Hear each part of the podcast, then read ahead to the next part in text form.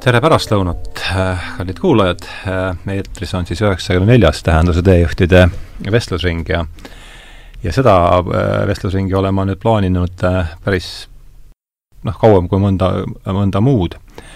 ja juttu tuleb äh, minu jaoks väga huvitaval teemal, tuleb siis vestluse kõneaineks on meil täna Tšehhi päritoluga USA psühhiaater Stanislav Grof. Ja temast on siis nagu ikka rääkimas kaks saatekülalist, tere tulemast, Marina Ebert, esimest korda tahan su teejuhtide stuudios, eks? erakordselt hea äh, teid siin tervitada, kas me tohime sina peale minna? jaa, loomulikult, ma, ma, ei... ma arvan, et, et on palju mugavam rääkida. vist on jah, just seda. ja, ja noh, meie teise külalisega me oleme niikuinii olete niikuinii sina peal, ma just mõtlesin selle peale. Tere tulemast, äh, hea sõber äh, Alar Tamming! teist korda siis äh, Tähenduse teejuhtide stuudios, ma just näitasin sulle enne siin, kui meil oli natuke aega, et äh, sina olid meil Ivar Tröneriga viieteistkümnendas saates, mille pealkiri oli Inimese lootus ja kus me rääkisime Carl Jungist ja see on üks äh, noh, see on meil vaadatavuselt kolmas saade läbi aja ja, ja, ja, ja kogu aeg on seal mingi kakskümmend inimest, kes seda niimoodi viimase neljakümne kaheksa tunni jooksul vaatavad, nii et selles mõttes on mm, on see jah, veel kord populaarsuselt kolmas saade ja, ja ma loodan, et see tänane teema on selline, et ma, ma ennustan ka sellele saadele, saatele päris suurt äh, kuuldavust. oli juttu ka sellest, et mis on saate eesmärk äh, ja sõnastasime selle ka siis niimoodi, et saate eesmärk on see, et kaks viiendikku, vähemalt kaks viiendikku saate kuulajatest peaksid siis läbi lugema vähemasti ühe Stanislav Grofi raamatu, kui nad seda veel teinud ei ole ja see hõlmab ka saatejuhti paraku sest ma tõesti ei ole ühtegi Grofi raamatut lugenud, aga ma olen küll vaadanud ikkagi, ma julgen kümnete tundide kaupa tema loenguid Youtube'ist ja meil on ähm, siis ähm, seltsi kanalil on ka alates sellest äh, veebruarist äh, Stanislav Grofi playlist, kus on küll praegu kahjuks ainult kolm videot, aga tuleb juurde. Need on siis äh, Stanislav Grof, meditsiinis kasutatakse haigustunnuste mahasurumist kahel juhul. teine, et psühhedeelikumidesse tuleb suhtuda nagu vägevatesse tööriistadesse ja kolmas, me oleme tupikus ja kui me nii jätkame, ei pruugi me sellest elusalt välja tulla. see käib mm -hmm. siis mhm. kogu meie kultuuri kohta ja ja olen osalenud ka siis ühel holotroopse hingamise äh, seminaril. et see on minu isiklik kokkupuude Krohviga, aga mina olen siin ikkagi täna kuulaja rollis eelkõige, nii et kas teil on mõlemal olnud Krohviga isiklik äh, kokkupuude? ma tean, et Alaril on. minul ei ole isiklikku kokkupuudet aga mul on sügav lugupidamine Krohvi vastu. ja kui ma teada sain, et Krohvilt pärib see, pärineb see idee, et ühte uut suunda psühholoogias nimetada transpersonaalseks mm, -hmm. siis no seda enam äh, mu lugupidamine kasvas mm, -hmm. sest et, et see on niivõrd hea ja, ja täpne nimetus on, on, sellele, sellele, äh, kogu sellele suunale mm. -hmm. et kui, kui kogu eelmine psühholoogia Äh, on piirdunud ainult inimesega, äh, tema äh, argielus, tema egoga, tema psüühikaga, siis transpersonaalne, et see tähendab transpersona, persona kui isiksus ja transpersonaalne siis isiksuse ülene. See on siis see osa inimesest, mis ulatub tema enda isiksusest kaugemale, võiks öelda ka kõrgemale. Mm. -hmm Äh, mitmedimensiooniliseks. nii et, äh, et tõesti minu suur tänu Stanislav Grofile, et ta just nimelt seda uut dimensiooni on toonud äh, inimeste ellu mm. -hmm sul, Alar, on palju sa oled, annad ju transpersonaalse psühholoogia sarja välja, nii ja, et ja sa oled ka Krohviga ise kokku puutunud, eks? ja mõne, mõne sõnaga, kuidas siis mina üldse Stanislav Krohvi juurde jõudsin, et tõepoolest sai see alguse hoopis kõigepealt Carl Jungist, et mhm. kunagi ma olin Carl Jungi seltsis, käisin taanlaste peetud loenguid kuulamas ja sealt sattusin ma edasi ka sellist nii-öelda transpersonaalse teema juurde kergelt ja puutusin kokku Ken Vilberiga, kellel just oli eesti keeles ilmunud esimene raamat Kõiksuse lühilugu, mis oli minu jaoks nii-öelda omamoodi vapustav teos. aga see on sinu sarjast ju, eks ole? ei, ma andsin selle uuesti välja, andsin uuesti välja mm. -hmm. ja kui see Kõiksuse lühilugu oli nagu läbi loetud, siis ma nagu lugesin ingliskeelseid tekste igasuguseid, proovisin rohkem teada saada, igal pool öeldi, et kui te olete Ken Vilberiga kokku puutunud, et peate Stanislav Grofi nagu lugema. siis ma üritasin lugeda ja siis oli seal kirjas see mingi perinataalne maatriks üks ja kaks ja kolm ja siis mingid asjad olid, ma ei saanud mitte midagi aru.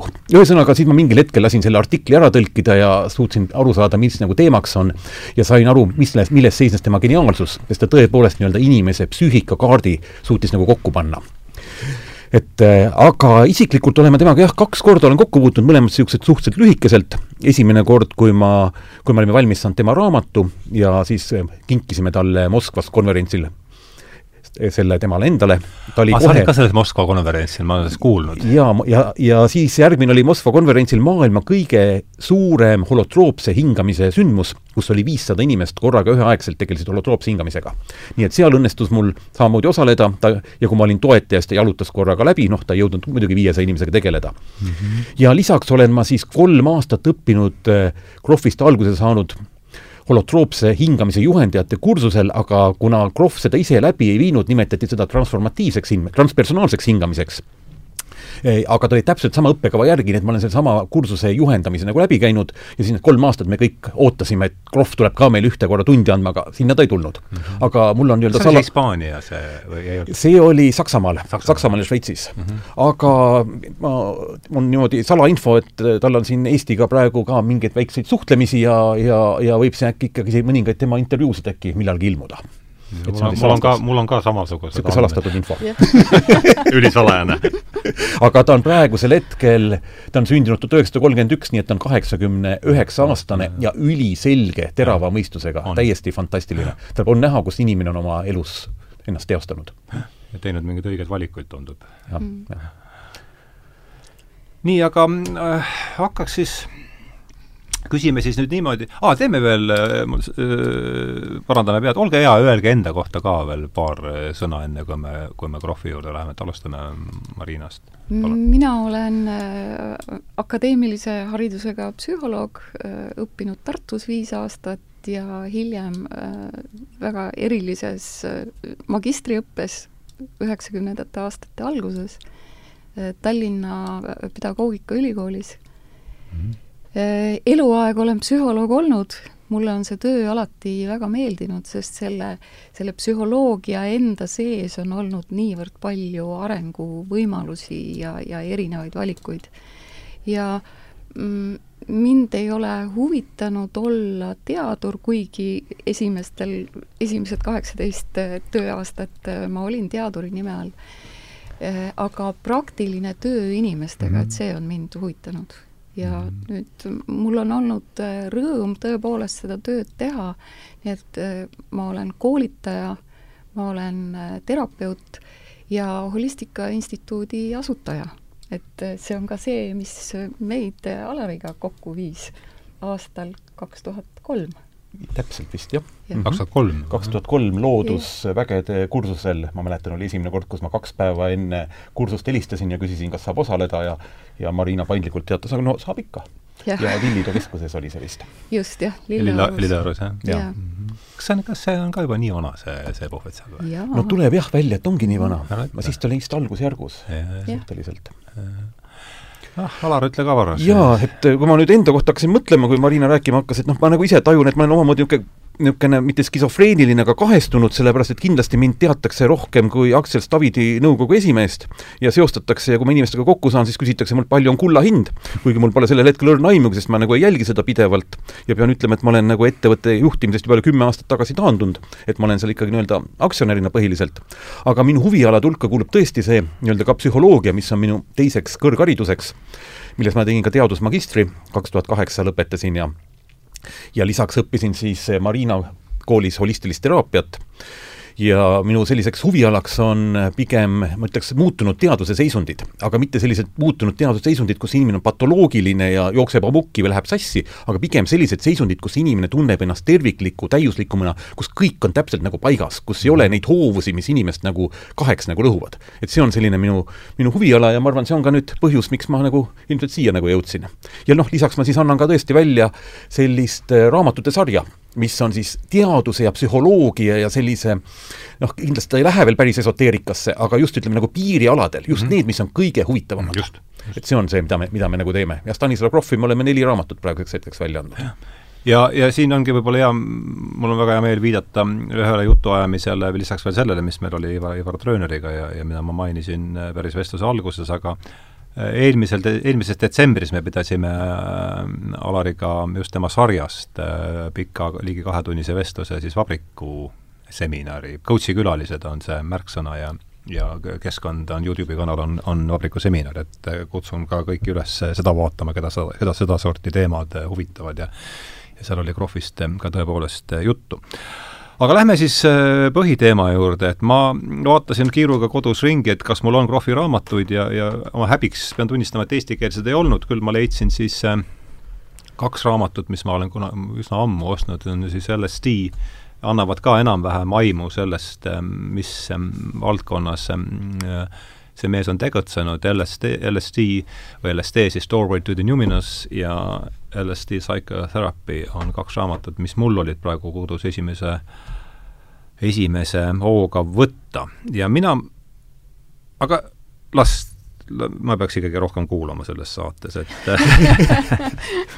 no, no kui, kui sa juba alustasid selle LSD-ga, et ja. siis eks see ole Krohvi elu kohta üks äh, väga tähtis seik, et noore äh, psühhiaatrina ta sattus äh, sellesse aega just, kus hakati katsetama psühhiaatrias LSD-d mm. -hmm, just ja mit-, see ei toimunud mitte ainult Tšehhis, kus äh, siis Stanislav äh, Grof elas ja töötas, vaid äh, üle maailma, üle maailma, jah, mitmetes erinevates just. kohtades ja äh, saadi väga häid tulemusi ja, ja tõepoolest tehti ka teaduslikku uurimistööd äh, selles osas, et et kui, kui suured need kogused peaksid olema, mhm. missuguse protsessi see, see vallandab, missugused tulemused on nii et äh, selles mõttes on äh, väga kahju, et äh, see on, ongi jäänud kalevi alla mm. -hmm. no vaikselt nüüd on, praegust aega nimetatakse ka psühhedeelseks reness-, renessansiks, et eks ta sealt vist vaikselt hakkab tulema jällegi serva pidi välja, et jaa, no praegu selle lihtsalt assotsiatsioonil tuleb meelde, et kaks tuhat kuusteist oli siis nüüd esimene teaduslik uuring, mis vastas teaduslikele nii-öelda nõuetele, mis ilmus teadusajakirjas üle kahekümne või kolmekümne aasta ja selle kohta öeldi, et samal aastal oli siis ka mingi gravitatsiooniuuring, et isegi gravitatsiooni ja gravitron ei pidanud inimelule midagi juurde andma, aga kui LSD psühhoteraapia jälle uuesti lubada, siis sellel oleks väga suur läbimurre, nii et peeti isegi mõningate inimeste arvates seda aasta kõige tähtsamaks uuringuks mm, -hmm. et mhm. esimest korda lubati. aga Krohv oli tõesti, ta oli, õppis psühhanalüütikuks ja ta oli väga põhjalikult, oli ülikooli lõpetanud juba ja psühhoanalüüsi läbinud ja teinud ja siis ta osales ühel sellisel LSD, LSD seansil, kus siis stroboskoobiga, värvilise valgusega -hmm. lasti veel nii-öelda uuriti tulemusi. Ja kui tal silmad kinni oli ja siis teda see värvivalgus tabas, siis oli kogu tema psüühika piltlikult öeldes tülkideks lennanud ja siis nii-öelda uuesti kokku saanud. Ja nagu ta ise ütles, siis ikkagi universumi saladused olid hakanud ükshaaval avanema ja algul ta mõtles ka, et noh, kas ma olen lolliks läinud ja mis nagu toimub, aga hiljem ta tegi katseid ja ütles, et kõik need katsete tulemused, inimeste subjektiivsed kogemused, see, mida kogetakse, ei vasta ühelgi juhul selle praeguse materialistliku maailma paradigmadele. Ja tal oli ülimalt raske, sest ta oli kartesiaanlikule para-, ka, jah, kartesiaanlikule vaat-, vaatemine, jah, ja tal oli väga raske seda, et noh, kuidas, kuidas, mida ma nüüd teen, ma olen kogu eluaja ühte, ühesugust maailmavaadet saanud, usun seda, aga ma kogen kogu aeg teistsugust. kas ma pean iseennast nagu eitama. et see oli see tema suur, suur dilemma, aga siis ta asus nende muutunud teaduse seisundeid uurima, oli Ameerikas sel ajal, kui oli siis eh, Prahas see suur eh, tankid, tungid, tankid tulid parasjagu sisse ja ta otsustas, et ta ei tule eh, Tšehhimaale tagasi, kuigi talt nõuti kohest tagasi tulemist ja jäi siis ilma midagi omamata Ameerikasse ja alles siis, kui Václav Havel Tšehhimaal uuesti pukki sai või juhiks, siis ta uuesti külastas Tšehhimaad. nii et ta oli niisugune väga värvikirev elu olnud mm. -hmm no see sinu jutt äh, meenutas mulle ühte uurimust, mis on ka tehtud nüüd äh, uuemal ajal, mitte LSD-ga, vaid äh, MDMA vist mm -hmm. oli selle asja nimi. et ja tulemus oli see, et see aitas posttraumaatilise stressiga inimesi mm, -hmm. just nimelt sõjaveteranide peal katsetati seda, sest muidu üks äh, sel-, seda haigust põdev veteran on täitsa kadunud mees mm. -hmm et see, see oli väga kiire areng ja paranemine. see on seesama film, mida sina näitasid. see film oli ja ma olen neid uuringu tulemusi lugenud ja seal on kuskil kaheteistkümnest umbes kümnel on kliinilised sümptomid, eh, lähevad eh, niimoodi taanduvad. ja üks sõjaveteran ütles, et see oli nüüd peale seda, oli esimene päev peale seda seanssi, kus ma järgmine päev linnas olles ei tahtnud kedagi maha lasta mm. -hmm. sa räägid väga... ka sellest dokumentaalfilmist, mida taanlased tegid? ei, ma olen erinevaid näinud, tähendab, üks on ühte sa näitasid seal, selle kosmoses vaata. jaa, see oli, see oli Ayahuascast ja siis oli ka MDMA oli lõpus, tema ja, naine tegi ühe seansi ja see ühest seansist talle piisas. Ja,. jah, jah, jah just. aga MDMA uuringud on praegu Ameerikas viimases järgus ja tahetakse kuskil kaks tuhat kakskümmend kaks ta ikkagi ametlikuks ravimiks nii-öelda luba selleks saada ja viiakse juba läbi terapeutide ettevalmistamiskursusi. nii et no, ütleme siis lihtsalt juurde, et kui kuulajad ei tea, siis MDMA on, tänava nimi on Ecstasy mm, -hmm. mida siis, mille kohta küsitakse, et kas ta on turvaline või mitte, siis selle kohta ütles üks inimene, et eh, selle kohta on olemas väga põhjalikud katsed, et Inglismaal on kakskümmend aastat iga nädalavahetus kaks miljonit inimest seda tarvitanud ja mitte midagi pole juhtunud nojah, siin ta ühes nendest klippides eh, juhib ta ka tähelepanu sellele, et eh, kas see on samas vist see psühhedeelikumidesse tuleb suhtuda nagu vägevatesse tööriistadesse, et, et, et noh, väga oluline see, et kus kohas, eh, kus ja mis, mis asjaoludel seda, neid asju tarvitatakse, et kui on oht, et et kohe-kohe tuleb politsei ja, ja nabib teid kinni, kinni, et siis ei ole see tõenäoliselt atmosfäär, kus võiks loota imelisi tervenemisi. jah, aga jah, Krohvi puhul ikkagi seesama LSD, kuna ta hakkas sellega nii-öelda katseid tegema, tegi neli tuhat patsienti oli tal ainuüksi Tšehhimaal ja pärast edasi ja sealt ta siis no, arendaski välja nende inimeste kogemuste põhjal oma psüühikakaardi, ma ei tea, kas me räägime selle kahekesi mitme peale niimoodi kuidagi ära selle korra? jah, see on, mulle tundub, see on oluline asi, eks, et me võiksime seda rääkida, sest et mulle tundub, et mhm. paljudes Krohvi raamatutes on sellest juttu. jah, mingi juttu. põhja võiks alla ära rääkida kindlasti, et kuidas teeme seda? no ma alustaks niimoodi sina, sina alusta mina alustan jah, et eh, see on, natuke ta kirjeldab ka ära psühhedeelsel seansil toimuvate asjade järjekorda, see ei ole muidugi absoluutne, et esimene etapp on siis selline abstraktsed mustrid ja värvid, et kui mhm. inimene mingeid aineid teeb, eh, mis siis on psüühika kõige pealmine kiht, mis on esteetiliselt hästi ilus, hästi nauditav, aga millel puudub, nagu öeldakse, selline psühhodünaamiline või ennast arendav väärtus. et ta, noh, ka mina olen Brasiilias käinud ayahuasca sensil ja ma tean, et ja ta tõesti on hästi nauditav. ja selle all, et kui inimene nagu nii-öelda läheb sellest läbi, mustrites, siis järgmine etapp on biograafilised mälestused, mis on seotud hästi varajase lapsepõlvega. kus hakkab ükshaaval, eh, kui ma nagu ennast ka meenutan, siis on nii, et kõigepealt tuleb meelde kuskil ülikoolist mingisugune sündmus, mida pole mäletanud kakskümmend aastat, seejärel tuleb kuskil keskkoolist, seejärel kuskil viiendast eluaastast mängid palli ja seejärel kuskil isegi kolmandast-neljandast, kus võib-olla ema läks kodunt ära ja oli selline ebamugavustunne, et see on nagu teine etapp, et see on selline mm -hmm. biograafiline etapp, mis tõuseb nagu ülesse ja biograafilise etapiga kaasnevad ka siis kondenseerunud süsteemid eh, mis siis sellel etapil on võimalik läbi töötada. kondenseerunud süsteemide, koeksüsteemideks nimetab ta siis süsteeme, kus ühesuguse emotsiooni ja tähendusega olevad mälestused on kogunenud nagu ühte klastrisse. ja noh, tema niisugune klassikaline näide on see, et üheskoos võib olla näiteks eh, üksindus ja vabadus.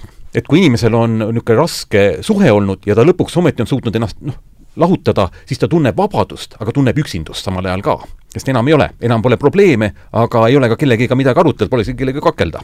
ja kui see üles tuleb ja parasjagu on aktuaalne olnud, siis võib talle meenuda, et sama asi oli kergelt ülikooli lõpetades ja keskkooli lõpetades, oled vaba õppimisest kõigest, aga samal ajal oled üksinda. et ei ole Need kogemused grupeeruvad mingitesse klastritesse? jaa, täpselt, ja ühesuguse emotsiooniga mhm. vabadus mm -hmm. ja üksindus ja kolmas võib seal olla siis selline vabadus ja üksindus, et oled kodus seitsme-kaheksa-aastane ja vanemad on ära, oled täiesti vaba, aga samas on mingi igatsus ja mingi üksindus. ja baas, iga sellise klastri all on baassündmus. ja baassündmuse all on siis selline eh, peale sündi oled täiesti vaba sellest nii-öelda sünniteedes olevast pingest, see on kehamälus ja samal ajal üksinda et selline ütle, nii-öelda baas. ja see võib olla ka mõne emotsiooniga, no näiteks häbi, häbi, häbi, kus sa mm -hmm. elus oled häbi saanud ja siis ta võib-olla kulmineerub, kui ta saab kätte oma need mälestused kõige esimese kogemusega, kus sa oled lasteaias, pannakse nurka ja siis kõik teevad käega suure häbi, häbi, häbi. ja kui ta, inimene selle kogemuse läbib, siis selle energeetiline potentsiaal kukub ära ja tuleb üles järgmine kogemus mm. -hmm. et see on nii-öelda siis see üks etapp enne sünniga seotud etapi kogemusi. see oli nüüd siis, äh, rääkisid nüüd esimesest äh, Krohvi maatriksist või? ei, ma rääkisin enne maatriksisse minekut olevatest äh, süsteemidest, millega psühhedeelse kogemuse psühhedeelse kogemuse etappidest. ma sain, ma sain niimoodi aru. jaa, sest need koeksüsteemid ja maatriksid on nagu erineva, erinevad äh, süsteemid natukene aga eh, kui inimene on need kõik sellised, no mitte kõik kindlasti mitte, kui ta on läbi töötanud, siis eh, tuleb üles sünniga kaasnevad kogemused, sünniga kaasnevad kogemusi klassikaline psühhiaatria tahab eitada mm. -hmm. ütelda, et sealt pole inimestele mingit, mingit Teil ei ole mälestusi sünni, sünnieelsest ajast? jaa, et sul pole, aju pole müeliniseerunud mm, -hmm. et seal informatsioon ei liigu, kuigi me teame isegi, taimedel on ka mälu olemas isegi, mingid seal, ma mäletan, ise nägin Madagaskaril taime, kes liigutas ja suudab meelde jätta. nii et ühesõnaga, et eh, inimesel mälu ei ole ja niisugust asja nagu pole. aga mida siis inimene kogeb? Et eh, reaalsuses on inimese sünd protsess, kus inimene kogeb nelja erinevat etappi. ja need moodustavad inimese sellise nii-öelda olemuse ühe baas, baasmälu. Eh, aga mitte teadlikku, ta on kehamälus.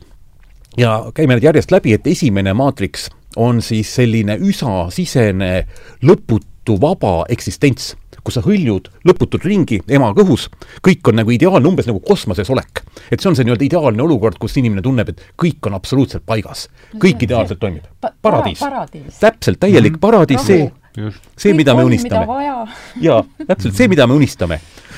ja kui see esimene, ja see nimetab siis baasmaatriks üks ja kui see esimene maatriks niimoodi hakkab nagu lõppema, siis noh, vähehaaval hakkab siis loode ennast kägarasse tõmbama, natuke läheb kitsamaks, enam ei ole nii mugav, aga noh, häda pole mitte midagi, sest noh, süüa on, juua on, kõik asjad on olemas.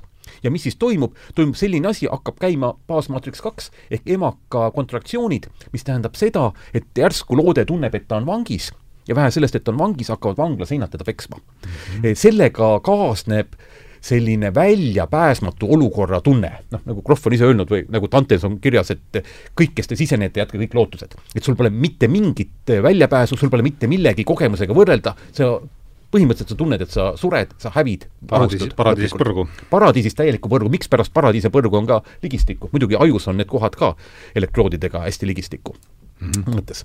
nii et teine etapp on see, kus sa tunned, et sind nii-öelda surutakse. vanglaseinad peksavad seal ja peksavad, välja ei saa, mitte midagi teha ei ole.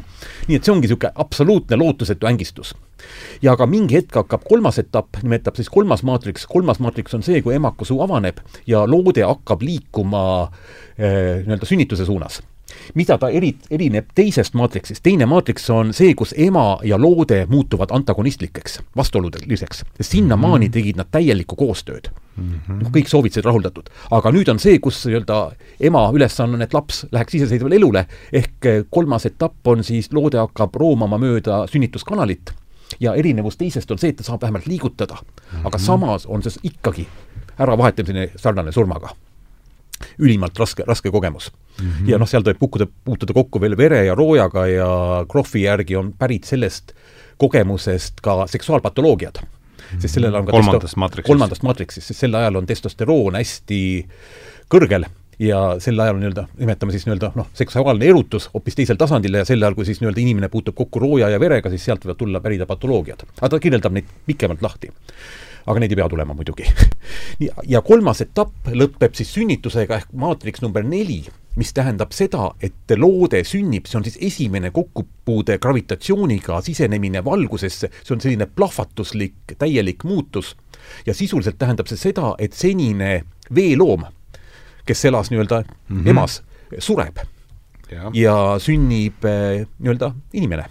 et need on sellised neli baasmaatriksit ja Krohvi teooria järgi ja tema kogemuste järgi inimestel siis LSD seanssidel mõnikord samas järjekorras, noh, põhiliselt alustades teisest enamasti, et kui sa teise nagu ära läbid, selle nii-öelda suremise tunde, et siis sa pääsed esimesse sellisesse paradiisitundesse, inimesed lihtsalt kogesid siis neid tundeid, võtsid ennast seanssidel kägarasse ja tegid samasuguseid liigutusi, nagu tahaks nagu ema seest välja saada ja nende alusel ta töötas välja oma teooria mm. -hmm. ja muidugi siis, kui need kõik neli baasmaatriks on läbitud, inimene on oma sünnikogemuse, ta ütleb, et integreerinud, noh, me ei saa seda kunagi mäletada sõnaliselt, me saame seda mäletada ainult kehaliselt ja läbi kogeda ka ainult kehaliselt, millega muidugi klassikaline psühholoogia lähebki siin nii-öelda vastuollu, nad ei taha sellest midagi teada. et kui inimene selle põhimõtteliselt ei saa olla selliseid mälestusi? no ei saa olla, inimesed, kus ta, mis mälestused niisugused olla saavad, kus? ja kui inimene selle ära kogeb, siis tekivad transpersonaalsed kogemused, mis siis lähevad üle meie tavaliste igapäevaste mõistmisvõimete, kus siis inimene võib samastuda teiste inimestega piltlikult ruumi ja ajasüsteemid hägustuvad ja see läheb siis ütleme ikkagi no, päris kaugele tavainimese jaoks, ma ütleks nii. no äh, jaa, sa alustasid selle minu jaoks kõige intrigeerivama äh, osaga sellest Krohvi pärandist äh,. ma olen nende äh, sünniprotsessi maatriksitega nõus ja samas ma ei ole ka mm. -hmm. terapeudina ma tean, et äh, meditatiivses seisundis inimesed on äh,, lähevad tagasi sellesse sünnihetke äh,, kogevad seal omaenda sündi ja, ja see võib olla väga tervendav kogemus. kui täiskasvanu eas kogu seda valu ja vaeva uuesti äh, läbi elada äh,. samas ma ei absoluut- äh,, ma ei pea seda kogemust äh, nii absoluutseks, et sellele saaks üles ehitada ühe põhjapaneva teooria, sest minu arvates ei pea olema inimese sünnikogemus tingimata äh, vangla äh,, ihunuhtlus äh,, väga raske kogemus.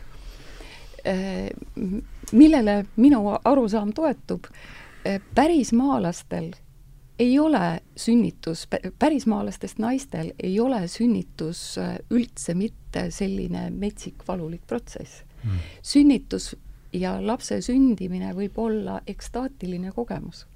ehk siis, kui me nüüd käsitleme seda Krohvi äh, teist staadiumit ja, ja kolmandat staadiumit, siis ka teises staadiumis ema ja laps võivad teha omavahel sellist koostööd et, et see ei ole mitte äh, surve sellele lootele, vaid äh, abi selleks, et ta saaks välja mm. -hmm. nii et, et see koostöö on põhiline. nii et kui sedasorti kontseptsiooni saaks ka lääne inimeste ellu tuua, siis ma arvan, et elu läheks palju paremaks.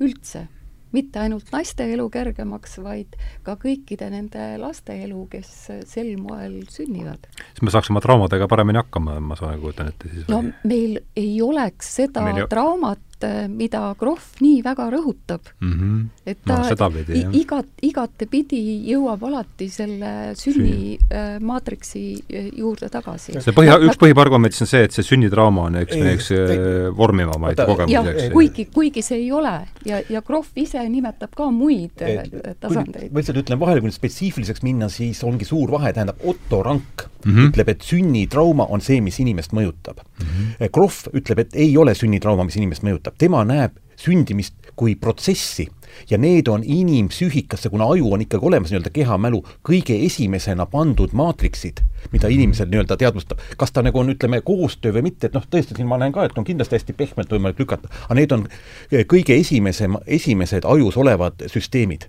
ja mille peale siis ehituvad teised ja millele on võimalik nagu ligi pääseda ja kui selle energeet-, mõte on nagu selles, et kui see energeetiline potentsiaal nagu ära kukub ja inimene selle protsessi nagu uuesti teadlikult läbib, siis pääsetakse ligi transpersonaalsetele tasanditele mm. -hmm. see on selle asja tema teooria mõte, et muidu sellele nagu ligi ei pääse. ahah, et sealt tuleb läbi küll, mis no, Marina arvab sellest? jah, et sa nimetasid siin mälu. jah, kehamälu äh, kehamälu, jah. no sellega me läheme väga äh, sellisesse spetsiifilisse valdkonda selle küsimusega, et kus kohas inimese mälestused on, kus üldse meie mälu mm -hmm. on. see väärib omaette saadet. see, see väärib omaette saadet tõepoolest, sest kui me läheneme äh, selle vaatenurga alt, äh, kuhu on jõudnud kvantfüüsikud tänapäeval mm, -hmm. et siis tegemist on informatsiooniväljaga mm. -hmm täiesti ja, päri. ja see inform informatsioon on ju olemas Mm -hmm. kuigi mina ei mäleta ise isiklikult oma sünnihetke mm -hmm. ja sündimise protsessi, see informatsioon on olemas mm. -hmm.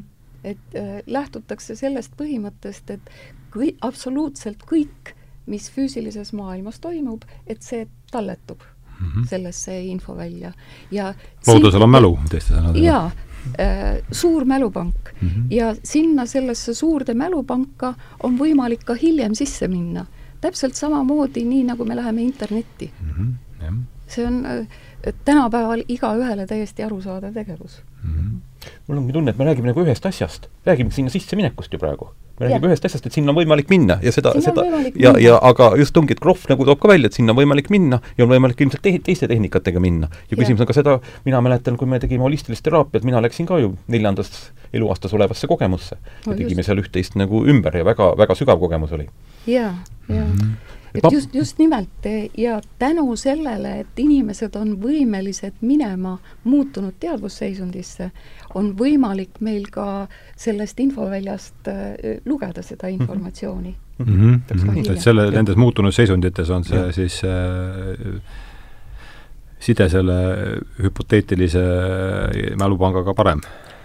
mitte hüpoteetilise, vaid ikka päris kindel no siin ongi see küsimus, et kui meie kehas kõik rakud vahet-, vahetuvad seitsme aastaga, kõik molekulid, aatomid mm, -hmm. Mhm. et kuidas saab siis mäletada kahekümne aasta tagust sündmust, mida sa eelnevalt kordagi ei mäletanud. siis temal Mhm. mm -hmm. nii-öelda füüsilisel kujul ikkagi tema järgnevus on puudu. Mm -hmm. Aga noh, ütleme siis, ma ei taha öelda, et see kehamälu, siis võib-olla ütleme nii, et keha on siis selline aktivaator, mis aitab sellel mälul Täpselt. aktiveeruda. Nii nagu DMT-d loetakse ka nii-öelda vaimsuse molekuliks, mis aitab Jaa. saada ühendusi teiste reaalsustega. tahtsin küsida, sa ütlesid, et kaks tuhat kuusteist olid need uued äh, ma saan aru, et FTA poolt heaks kiidetud katsed LSD-ga, et mille, Strassmani, Strassmani eksperimendid olid veel varem või? jaa, tähendab, need olid jah, kaks tuhat kuusteist oli ilmusuuring. ahah, ja minu arust oli see Šveitsis tehtud mm, Mhm. -hmm. et seda ei olnud FTA-l. aga Strassmann sai, tegi selle üheksakümnendatel aastatel, kui ilmselt Strassmann tegi nii vara? ja, ja ta ajas kolm või neli aastat seda võimalust, et saaks üldse teha siis ta tegi ära, aga ilmselt FTA ei teadnud, milles, mis nagu teemaks on. mis nad, mis loa nad andsid? mis loa nad nagu andsid. Mhm. see on ikkagi otsene ühendus äh, sellesama mälupangaga mm Mhm. -hmm. ikkagi. No lihtsalt äh, äh, võib-olla kuulajatele, kes ei ole kursis teemaga, et äh, oli ta Rick Strassmann, eks? Rick Strassmann, tema raamat on meil eesti keeles olemas DMT vaimumolekul. jah, ja tema katsed olid siis teise tugeva psühhedeelikumi DMT-ga, mis olid samuti siis FTA, FTA poolt heaks kiidetud, aga, aga noh, tõenäoliselt nad ei saanud ise aru, mida nad jaa, nad lihtsalt mõtlesid, et molekul on võimalik, et on võimalik, et ega seda ka ei tea muidugi, ei saa neid ju kala, sugugi alahinnata. DMT puhul on maailmas käimas uuringud, kuna eh, DMT läbib eh, kolm barjääri, ta läbib nii-öelda kopsust, läheb aiu, aju verebarjääri, siis ta läbib selle molekuli ba- barjääri seal või või neuroni ja lõpus -hmm. läheb sinna otsekohe sellesse haagu, haagib ära. ja praegu tehakse uuringuid, et eh, DMT võib olla kõige kiirem abivahend, kui inimesel on äkksurm, et suudab teda hoida nagu elus. et süstida inimestele DMT-d, Ede Frečka, Ungari eh, teadlane teeb selleteemalisi uuringuid Mm. ja need on päris, päris huvitavad ja mm. õpetan sellepärast, et kus kohas on inimkehas DMT-d kõige rohkem, inimkehas on kopsudes DMT-d Ahah. ja seal hoiab teda ainult üks molekul kinni. et mikspärast on inimene üles ehitatud nii, et DMT vabanemine oleks hästi kiire ja et ta jõuaks kõige kiiremini aiu, et ta suudaks nagu inimest ära päästa. et see võiks tuua täieliku muutuse sellises nii-öelda esmaabis mm. -hmm. aga noh, need uuringud on alles al- algusjärgus. ja kui nad seda uuringut tegid, siis nad muidugi ka ei saanud kirjutada DMT-d, siis nad panid see üks sigma retseptor. ja selleteemaline uuring oli, sest mm -hmm. siis oli see nii-öelda teadlastele vastuvõetav. Ja noh, jällegi, kes ei ole teemaga kursis, siis DMT on see psühhoaktiivne aine, mis on siis tuntud või ma ei tea, kui tuntud on see ayahuasca keedus, millest on tõenäoliselt osad kuulajad on vähemasti mm, kuulnud, osad võib-olla mitte. jaa, ta on ayahuasca tee üks põhiaineid, see ayahuasca tee koosneb kahest, üks on see DMT, aga kuna meie organism koheselt makku sattudes DMT tahab ära lahustada, siis teine aine on seal minu arust on harmaliin, mis siis aitab mm -hmm. nii-öelda blokeerida neid retseptoreid, mis siis hakkavad, või neid, neid, mitte retseptoreid, aga ensüüme või, mis hakkavad seda DMT-d lahustama. nii et DMT on molekul, mida on kogu universumis praktiliselt isegi kosmoses leitud, aga huvitaval kombel ei ole teda alamates taimedes, kõrgemates mm -hmm. taimedes on nii-öelda uh -huh. selle hierarhia järgi, et sellel on mingisugune, mingi tähendus. nii et ühest küljest on ta keelatud aine, aga samal ajal on kõikidel meie kopsudes teda päris palju. jah, see ma meelde, et Salvador Dali kohta küsitud, et, et kas do you do drugs, et nad näevad I am drugs. et see ha haakub sellega. Aga ole äh,, Marina, tahad sa haakuda siin see eel, eelpool sa kõnelduga? küsisid minu küsimuse tegelikult ära, ma tahtsin ka teada, mis see DMT on, aga nüüd ma sain teada ka. aga äh, järsku räägiks siis natukene mm, Krohvi arenguloost, et ma räägin omad sellised tähtsamad etapid ära, et võib-olla oskate nendega ja vabalt niimoodi jällegi haakuda Mm -hmm. et ma saan aru, et ta siis tahtis saada kunstnikuks vist, valmistus vali-, nii palju kui mina olen seda valmistus ähm, siis ähm, saama kunstnikuks, siis sattus talle kätte Freudi raamat. ja sealt ta tegi pöörde siis äh, psühhoteraapia poole ja, ja olles siis saanud juba ma ei tea, kas tal oli juba, ta, ta leidis, tal oli ikka psühhoterapeudi paberid käes, et ta oli äh, arstipagunid peal, kui ta, ta siis oli ülikooli lõpetanud, kui ta hakkas sellega puutus tegelema. kokku LSD-ga ja, ja, ja avastas, et üks LSD seanss äh, osutus sama tõhusaks kui siis äh,, kui kui siis seitse aastat sellist, noh, siis kõneteraapiat või psühhoanalüüsi ilmselt tol ajal siis. jah, psühhoanalüüs no,. aga no, psühhoanalüüs on mingil määral kõneteraapia, võib seda no äh, Grof on äh, oma tulevikupsühholoogias äh, kirjutanud just nimelt sellest, et Äh, Freud äh, alustas Krohvi arvates väga heast kohast mm, -hmm. et ta alustas hüpnoosiga, mis muutis ka inimese teadvusseisundit. aga et hiljem ta läks üle vabade assotsiatsioonide tehnikale ja see meenutas rohkem lihtsalt vestlust mm -hmm. Ahah, selge. ja, ja, ja, ja Krohv äh, siis selle peale ütleb, et, et tegelikult noh, Krohvi järgi holotroopsetes seisundites ehk siis muutunud teadvusseisundites on äh, teraapia ikkagi kordades efektiivsem mm. -hmm. ja noh, mina, kes ma oma äh, terapeudi praksises kasutan neid muutunud teadvusseisundeid ilma nende aineteta äh, vaid lihtsalt meditatiivsed seisundid, siis võin seda küll kinnitada, et tõepoolest see nii on.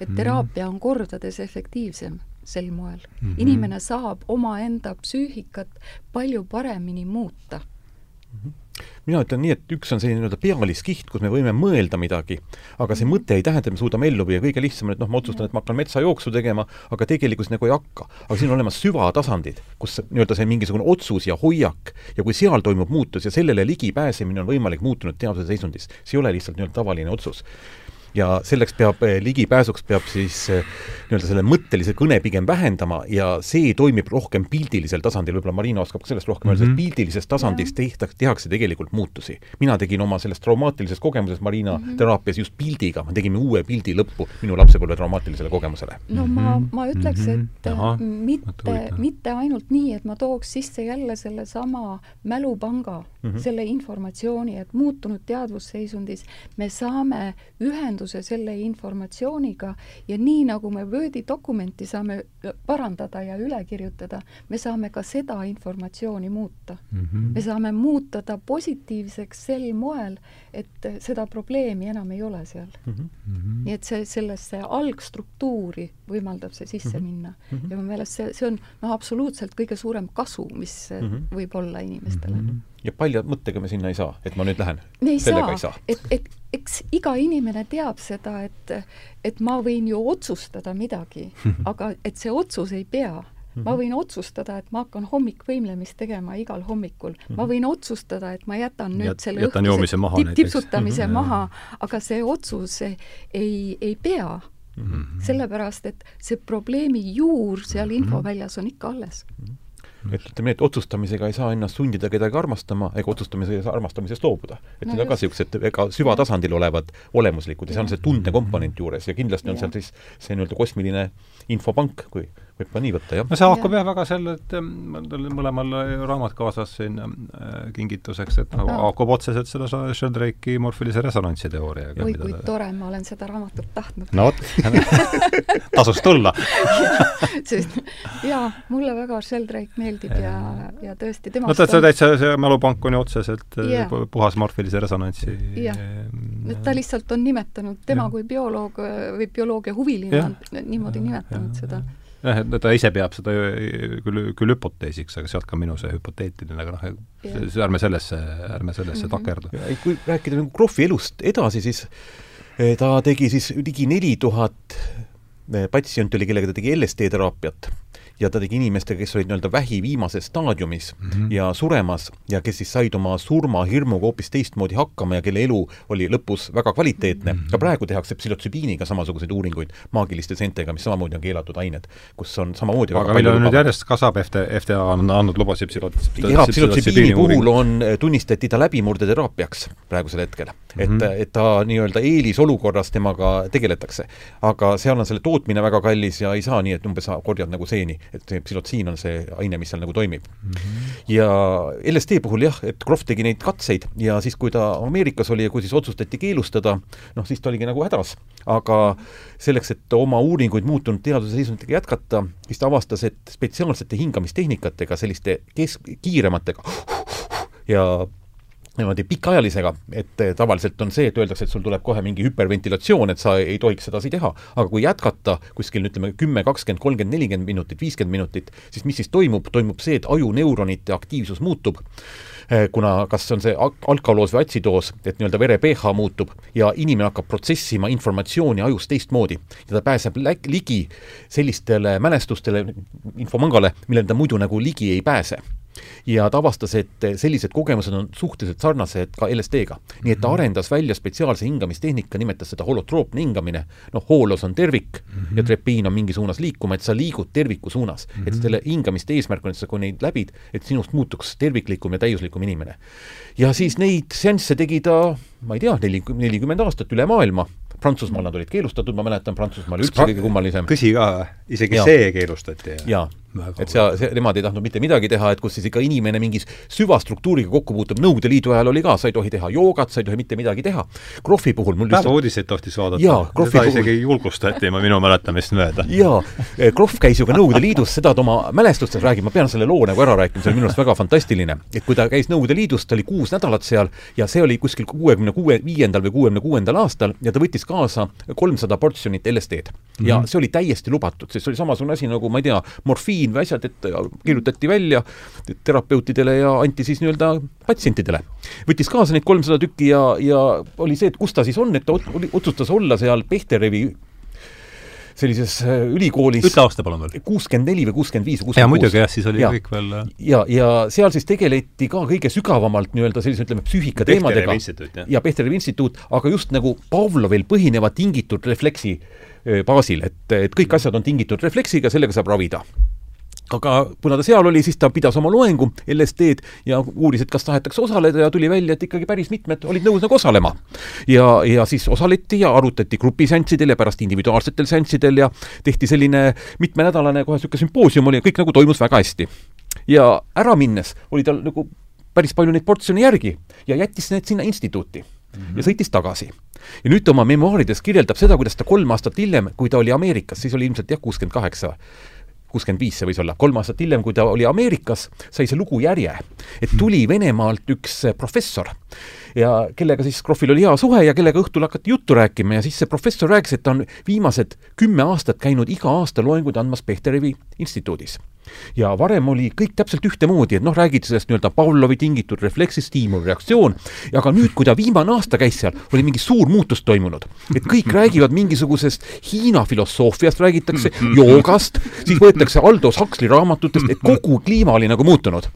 et selline, selline asi ja siis Mart Tarkina oli palju peamurdmist, ma kujutan ette. et, et, et Krohv ütles, ma nagu olin igaks juhuks vait, et ma ei hakanud sellel hetkel midagi ütlema, et kas see seos oli temaga või mitte. aga noh, minu jaoks on seos hästi selgelt olemas, et kui hakkad lugema Hea uus ilm, eks, ja mida, millist imet võib teha avardunud teadvusseisund? Pole ime, et ta oli keelatud et, et võib kuidagi maailma asjadest rohkem aru saada. Eh, no vaieldamatult, seal ikkagi selliste LSD seansside ajal on ju uuring või noh, ütleme sellist klassikaline psühholoog ütleb, et me teeme inimestega katseid ja ta ei suuda matemaatika ülesandeid lahendada. ja väga halvem, et meie kognitiivsed võimed lähevad halvemaks mm. -hmm. aga ütleme nii, et kui inimene meenuvad talle meenuvad kõige sügavamad lapsepõlvekogemused ja samal ajal saab ta aru, kuidas universum on loodud ja jälgib raku teadvust, siis sellel ajal mingisugune korrutustehe tundub väga-väga tobe võib-olla. see jääb tahaplaanile. jah, et seda päris nii ei saa öelda, et sel ajal kognitiivsed võimed vähenevad, hoopis ajus aktiveeruvad teised süsteemid mm. -hmm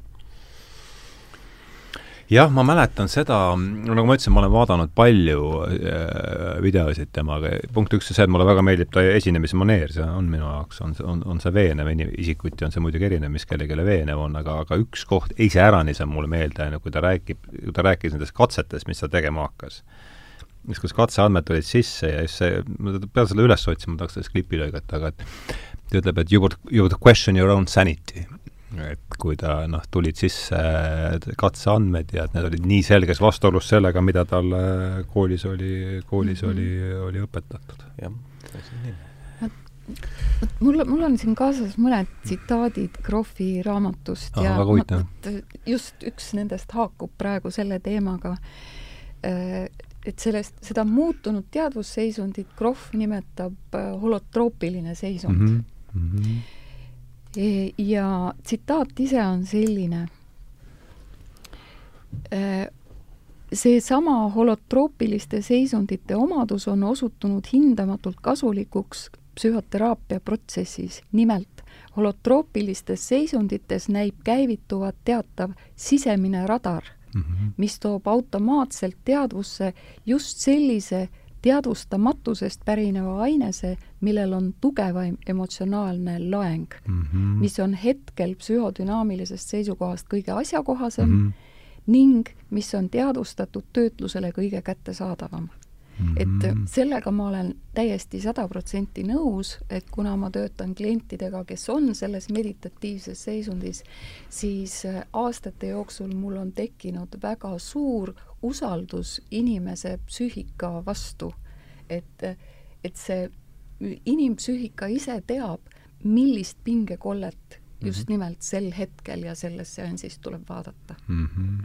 et muidu, kui väga palju psühhoteraapiat põhineb sellel, et terapeut teab mm, -hmm, just. siis Spetsia-, spetsialist teab. spetsialist teab mm, -hmm. aga spetsialist ei või eluilmas teada täpselt seda, mida klient vajab Mm -hmm. et siin on, see on hoopis teine lähenemine. just nimelt, sest see, ütleme, riikliku, riikliku sellist psühho-, kas siis nüüd äh, ametliku või Aka-, akadeemilise akadeemilise ametliku psühholoogia lähtekohaks on ikkagi see, et spetsialist teab, eks yeah.. ja sina tule kohale ja, ja, ja no ja, ja siis nii, niimoodi siis vormitakse neid äh, kliente vast-, vastavalt selles, selle raami sisse, mis terapeudil on.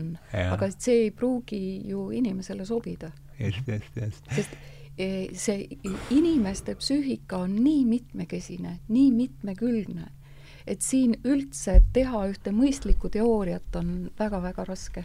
et me saame tõesti ainult mingisugused väga äh, üldised koordinaadid võib-olla paika panna mm. -hmm selle sisemise radari väga hea tsitaat, aitäh, see sobis. jaa, selle sisemise radari kohta ma täienduseks tuua, et minu arust isegi Krohv ütles seda ka, et et see sisemine radar on eriti hea ka holotroopse hingamise puhul, et, et kui inimene tegeleb hingamisega, et siis tuleb üles just täpselt see, mis on vaja, millega tegeleda. et kui inimene teeb ka nii-öelda LSD-teraapiat, seal võib tulla rohkem üles, kui inimene suudab vastu võtta, sest seal määrab ka nii-öelda kogemusest. et kui sa ikkagi kogu elu suudad seal kahe tunniga läbi töötada, et sa ei integreeri ära seda, mis on üldse psühhedeelsete teraapiate üks probleeme, et integreerimisprotsess jääb puudulikuks, sest mm -hmm. informatsiooni on liiga palju. ja minu holotroopse hingamise õpetaja ütles niimoodi, et noh, tema ütles, et LSD puhul ta soovitab teha seda üks või kaks korda aastas suurte kogustega ja siis sa integreerid seda ikkagi ka umbes võib-olla piltlikult pool aastat ma tahtsingi küsida, et mis see inte-, seda integreerimist korrutatakse ja tihti need sõnad, mida korrutatakse, kipuvad oma mm -hmm. mõiste ära, aga see on ikkagi, see on kuidagi selle kogemuse omaksvõtmine, selle läbiseedimine, sellest sotti saamine või kuidas sa sellest integreerimisest no, mina ütleks kõigepealt nii, et sa esiteks paned selle nagu kirja.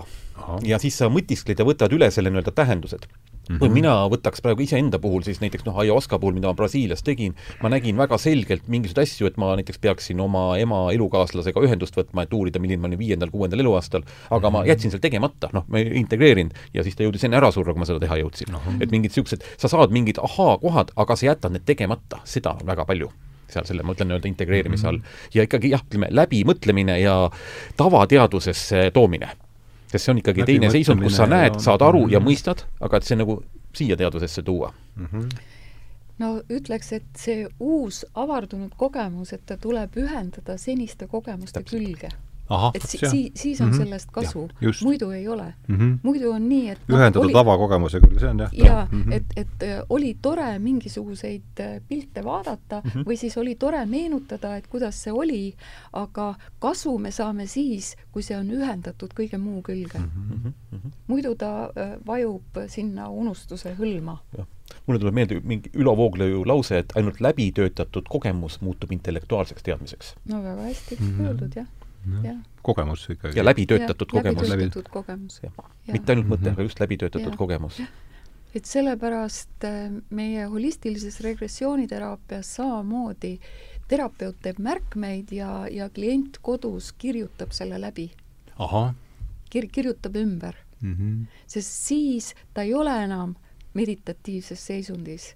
Tema äh, argiteadvus ja mõistus on äh, kohal mm, -hmm. kriitikaanalüütika on kohal ja äh, sel moel läbi töötades seda, suudab ta äh, omandada selle uue kogemuse mm. -hmm ja no nii, nii vähe, kui ma sellest holotroopsest ähm,, veel kord, ma olen, mul on isiklik kogemus ole, olemas, ma olen ühel nädalavahetusel selles, sellel osalenud ja minu endaga seal küll sellist äh, psühhedeelset võib-olla nihet, kui ta oli, siis oli ta kindlasti väiksem kui siin mõni muu, aga aga ma nägin küll, et mis seal, noh, mm. ilmselgelt, et seal mm, aga et just, kus ma nüüd sellega integreerimisest läks, rääkisime, kirjutamisest rääkisime. jah las ta jääda praegu, aga ise, et praegu kuidagi läks, läks katke kui me läheme nagu Krohvi ja holotroopse hingamise juurde, siis mina ise arvan, ma olen holotroopset hingamist teinud mingi viiskümmend, kuuskümmend senssi mm. -hmm. ja eks ta raamatust kuidas sul võrreldes psühhedeelikumid, ütleme, ayahuascaga on jaa, täpselt ongi, et ütleme niimoodi, et see raamatutes natuke nagu lubatakse rohkem, umbes et sa lähed hingama, hingad ära, läbid seal kõik oma sünnitee natukene ja oledki kohe seal kosmilises valguses, et päris nii lihtsalt see ei käi, seda ma mm -hmm. ütleks kohe. aga ma enda puhul ütleks nii, et kui ma praegu hakkan mõtlema, et võib-olla kahel kolmandikul seanssidel oli kindlasti mingisugune nii-öelda võimsam kogemus ja sellist, ütleme, ähm, psühhedeelset kogemust ja värve ja asju ma, on võimalik saada, aga väga-väga harva, tähendab, ta ei ole iga, sugugi, et iga kord tuleb. aga mm -hmm. sa mhm. jõuad mingi täiesti teistsuguse kogemuse, ta on natukene, teised dimensioonid on see minu jaoks mm. -hmm. ja ta ikkagi viib edasi ja, ja on hea aga mõnikord ei ole ka nagu üldse mitte midagi. ja samas noh, holotroopne hingamine on niivõrd pikk protsess, ta on see ikkagi kolm-neli tundi ta tehakse ja siis nii-öelda see integreerimine ka, noh ütlen, kui mina Saksamaal õppisin, seal ikkagi eh, mõnedel noh, klassikalise psühholoogia jaoks sõitis ikka katus täiesti ära, kus seal ikkagi vaatasime, et kas inimene jääb elama või et noh, või ta nüüd sureb ära, eks ole, et ta jõudis sellistesse kohtadesse, et et ma otsustan, kas elan või suren, eks. mingisugused väga, väga sügavad, aga noh, grupid olid, grupp oli juures ja ja inimesed tulid nendest kohtadest nagu välja kas ta on sarnane kogemus, et ma ütleks, et on sarnane, aga mitte garanteeritult mm. -hmm. niimoodi ütleks. no mina olen ju ühe korra sinu ja. äh, juhendamise all seda proovinud mm. -hmm no ma ei ütleks küll, et sealt oleks nüüd suurt tulu tõusnud minu enda jaoks mm. -hmm. ei, ma, ma mäletan, sa ütlesid pärast, et nii hea oli, vähemalt sai hingata, et organism sai hapnikku kindlasti juurde. kui midagi muud ei ole, siis said hapnikku juurde aa, nüüd mul tuli meelde, miks ma selle üles võtsin, et, et ta naine oli ju Christine Krohv, Kristiina, Kristiina Krohv, kes oli joogaõpetaja nii palju kui meie, mulle tundus küll, et seal on selle joogaga palju kuidagi, mitte et ma ei ole, minu kokkupuuted joogaga on ka üsna pinnapealsed, aga mulle tundus, tundus, et seal oli, ja ta on seda ise ka minu meelest maininud no, et kindlasti, kui nad seda koos arendasid, seda holotroopset hingamist ja kindlasti nii-öelda mehe-naise muster ja nii-öelda koos tegemine ja mingid asjad üksteiselt ülevõtmine, see võiks kindlasti olla seal. sest noh, holotroopses hingamises on ju veel ka äh, see on hästi strictly, ütleme nii, et sa pead kindla selle nii-öelda asja moodi tegema, et sul peab olema alati inimene, kes sul on kõrval, abiline mm, -hmm. pärast seda on nii-öelda joonistamine mm, -hmm. et ja üks päev üks seanss ja noh, mina, kui ma olen ka erinevaid hingamisi teinud, siis ma leian, et ei pea olema ju kedagi juures, et on võimalik palju kiiremini, palju lühema ajaga saavutada samu kogemusi teatavate mm -hmm. hingamismustritega, et ma olen ikka väga erinevaid hingamistehnikaid teinud. ja noh, Kristiinaga neid, neid koos tegid, jah aga no, noh, see on hea. Kristiina Krohv muidugi peale seda, mis tegi oma elutööna, arendas välja selline spirituaalse kriisi, kiirabi.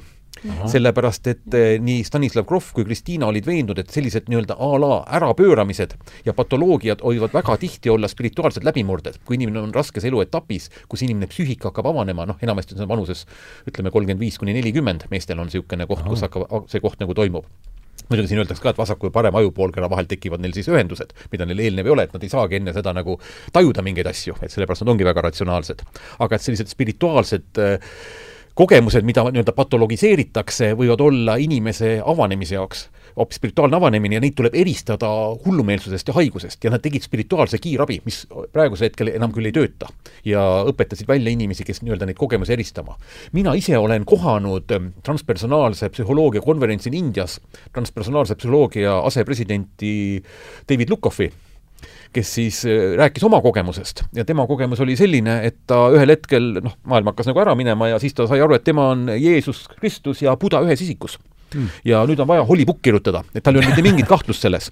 ja, ja hakkas kirjutama ka muidugi, aga noh, siis perekond vaatas, et mis me nagu teeme, aga igatahes said aru, et, et ärme igaks juhuks sekku. ja kahe kuuga tuli ta nii-öelda normaalsesse seisundisse tagasi.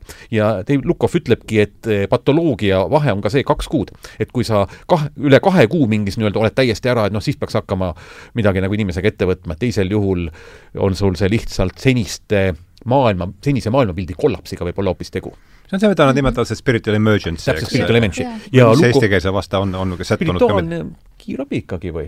aa, sa selle nimetadki?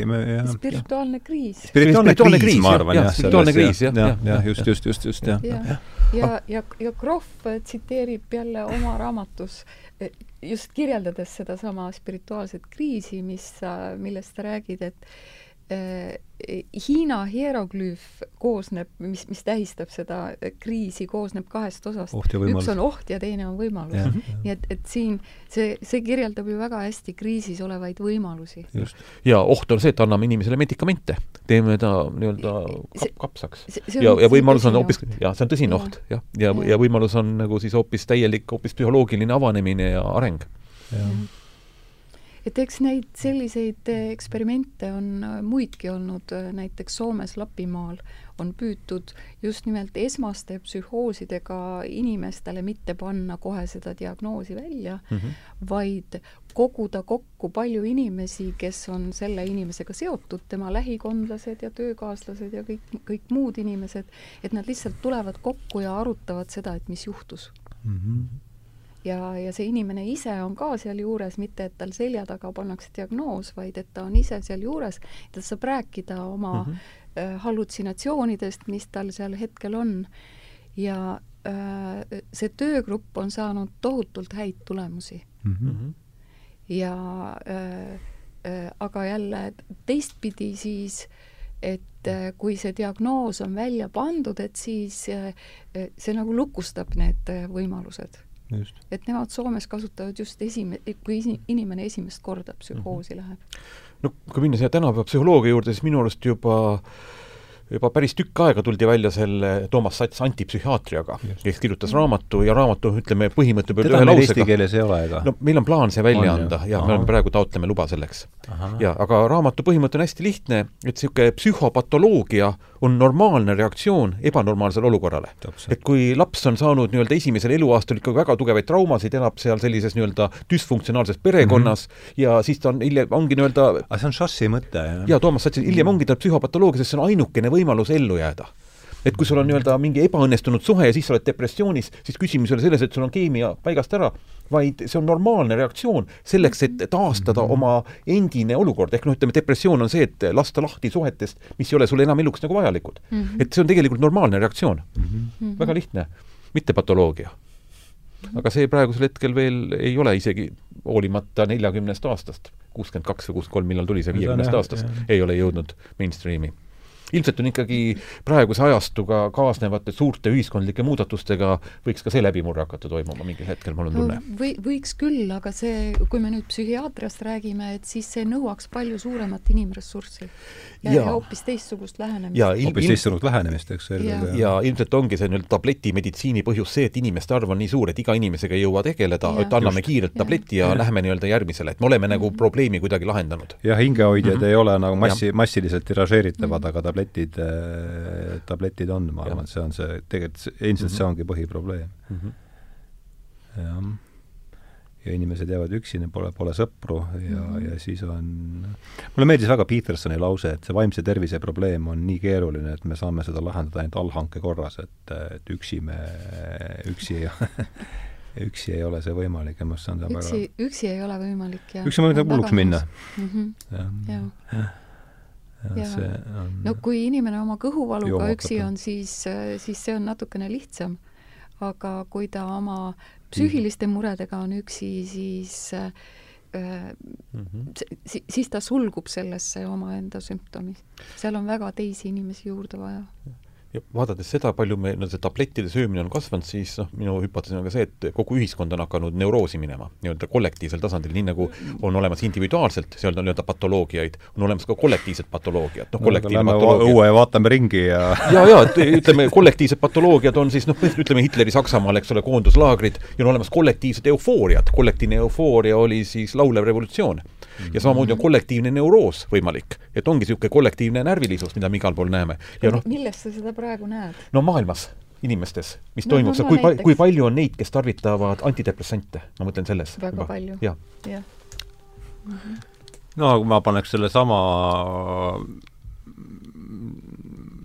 sama ker-, koroonakevade samasse, samasse mm, -hmm. samasse rubriiki suuresti, mitte et see noh, mitte et ma kuidagi äh, väidaks, et haigus ise ei ole ohtlik, aga noh, see reaktsioon sellele on ikkagi minu meelest kinnitab väga, kinnitab väga Alari sõnu sellest üleüldisest kollektiivsest neuroosist. jaa, äh, ja siis, kui vaadata, ma mäletan ühte filmi, mis oli kunagi seal Jugoslaavias, kus seal Bosnia ja kes need omavahel nagu seal sõdisid, ja siis üks mees nagu kirjeldas ka, kuidas nad nagu kollektiivselt läksid nagu hulluks, et eh, mehed, kellega nad koos olid töötanud kakskümmend aastat ühes tehases, nüüd hakkasid neid nagu tapma mm. -hmm. et selline nii-öelda kollektiivne neuroos võib minna ka kollektiivseks psühhoosiks, mida me näeme sõdade ajastul oleme näinud, eks mm. -hmm. ja praegusel hetkel on noh, ühiskond ka kuskil nagu piiri peal, kui me vaatame, mis, mis Ameerikas praegusel hetkel toimub, seal on ikka ka nii-öelda kollektiivse psühhoosi ja sealt see valgub, sealt see valgub laiali üle jaa, et kus, kuhu see üle, maailm praegu läheb, aga noh, teisest küljest minule meeldib mõelda, et igasugune üleminek eeldabki kaost kõrgemasse korda. nii et praegusel hetkel me ligineme kaosele, kust peaks, võiks areneda välja kõrgem kord. ja selle kõrgema korra puhul võiks siis ka ütleme, ideaalolukorras ka selline psühhiaatria leida endale ka uued uued toetuspunktid ja nii-öelda inimeste elu paremaks minna, mida me tegelikult oleme tahtnud kaks tuhat aastat vist mm. -hmm. ega yeah. Rooma riigist oleme siin nii-öelda inimolemust on juba siis, sellest ajast lahatud. no kriisi saab ainult kasvatada, tuleb inimesi rohkem hirmutada, mida rohkem hirmu, seda lähemal me kriisile oleme nojah, see on küsimus jah, mis sealt sellest, sellest, sellest suurest hirmust lõpuks välja tuleb, Eh, mingisugune plahvatus, midagi peab ikkagi, tähendab, ükski protsess universumis ei saa jätkuda lõputult, ei saa jätkuda rahatrükk lõputult, ei saa jätkuda hirmu külvamine lõputult ja ei saa selline nii-öelda koroona ka lõputult kesta, selline maailm, nagu praegu on. selle kohta on ju tähendamissõnad, kes, kes tuult külvab, see tormi lõikab, nii et selles mõttes ma arvan, et see on, oleme, tahab näha, kuidas see jah, me oleme mingite suurte protsesside, me oleme üleminekuprotsessis, aga kuhu, seda me täpselt ei tea praegusel hetkel. jah no,, aga äh, siin jah. oleks jälle kohane Or... siis äh, Kohvi tsiteerida. aga muidugi see on nüüd viimane lõik äh, Krohvi raamatust Tulevikupsühholoogia viimane lehekülg, viimane ja see on meil eesti keeles olemas, eks? ja, ja see on eesti keeles olemas. tahan võtma, võtan kätte järgmisena. tundub, et meil on käimas dramaatiline võidujooks ajaga, mille sarnast ei leia tervest inimajaloost kaalul ei ole midagi vähemat kui elu säilimine meie mm -hmm. planeedil. kui me jätkame lähtumist vanadest strateegiatest, mille tagajärjed on ilmselgelt äärmiselt ennast hävitavad, siis on inimese kui liigi ellujäämine ebatõenäoline. kui aga piisavalt suur hulk inimesi teeb läbi sügava sisemise transformatsiooni, siis võime jõuda teadvuse evolutsiooni tasandini, kus tõepoolest väärime meie liigile antud uhket nimetust Homo sapiens. See on väga palju, see on sellest samast, äh, seesama mõte on tegelikult selles kolmandas äh, klipis, et me oleme tupikus ja kui me nii jätkame, ei pruugi me sellest elusalt välja tulla, mis on sealt David Fulleriga intervjuust äh, lõigatud mul, et jah, just, jah, see haakub väga, kõlas minuga kaasa. ja minu arust on selliste probleemide puhul hästi, hästi oluline kõigepealt see ära sõnastada ja tunnistada, et ja. see tegelikult hetkel on ja seda vist noh, ühiskonna tasandil päriselt seda veel ei tunnistata seda mm. tunnistavad sellised proff ja teised inimesed, ikkagi poliitikute tasanditel ei ole. ja kui see on nagu mm. ära tunnistatud, siis on võimalik mõelda, kuhu me tahaksime jõuda Just ja hakata nii-öelda kavandama ja teha neid samme, mis meid sinna viivad. sest kui meil on eesmärk, siis me ei pea ju ka kogu teed nägema, me peame tegema lihtsalt iga sammu, mis sinna suunas viib. praegusel hetkel seda nagu ei toimu. esimene samm on teadvustada, et meil on probleem. teadvustada, et ja on tõsine, probleem. ja tõsine probleem ja, ja kui me niimoodi jätkame, siis on noh, täpselt nii, nagu seal äh, kirjas on teadvustada ära, mis toimub kollektiivses alateadvuses. et mm -hmm. psühhoanalüüsis öeldakse ka, on areng on ju siis teadvustamatu toomine teadvusesse. ja sama on vajalik ka kollektiivsel tasandil, et me toome ära teadvusesse see, mis ühiskonnas toimub mm. -hmm. ühiskondlikku teadvusesse. jah aga mm, noh, nii palju, kui sa oled rääkinud oma kujulemisloost, Alar, et äh, noh, kõigepealt psühholoogiasse ja psühholoogia sees liikunud, et see natukene, mulle tundub, et see aimab natukene järele seda ka Kroh-, Kroh-, Krohvi lugu, kas sa näed seal mingeid paralleele? jaa, ma olin ikka nii suures vaimustuses, et kui ma Tartus Ülikoolis omale selle magistritöö võtsin ja ma polnud Krohvist kuulnudki ja ma valisin muutunud teaduse seisundid ühe nii-öelda Soome artikli järgi ja kuna ma ise olin ühel koolitusel, David Niinani koolitusel kogenud ka sellist nii-öelda väga muutunud seisundit, noh koolitus oli selline, kus korjati kellad ära ja olime seal öö otsa, tegime igasuguseid harjutusi ja, ja siis inimesed olid ka nagu hakkasid kuhugi minema, mina muidugi psühholoogiat õppinuna sain aru, et lihtsalt lükatakse kuhugi, aga pärast mul ka midagi toimus. ja ühesõnaga, ma valisin endale muutunud teaduse seisundit endale erialaks ja ma ei teadnud üldse, et maailmas on olemas inimesi, kes sellega tegelevad ja kui ma siis Krohvi juurde jõudsin, noh, siis oli nagu vennaga oleks kokku saanud. no täiesti niisugune tunne või ütleme, niisugune no vanaisa, tark vanaisa, kes sulle jagab oma õpetusi mm. -hmm. ja täpselt, ütleme kõik tema need mõttekäigud, noh, midagi ei ole teha, nad haagivad mind mm. -hmm, ja kaasa arvatud see noh, hingamine, mis ma olen teinud ja, ja ütleme see, et noh, ma isiklikult ma olen noh, ka kokku puutunud ja tõepoolest on erakordne inimene, niisugune ülim tähelepanu, täielik kohalolu mm, -hmm teadlikkus, noh, see on nii selgelt on tunneta.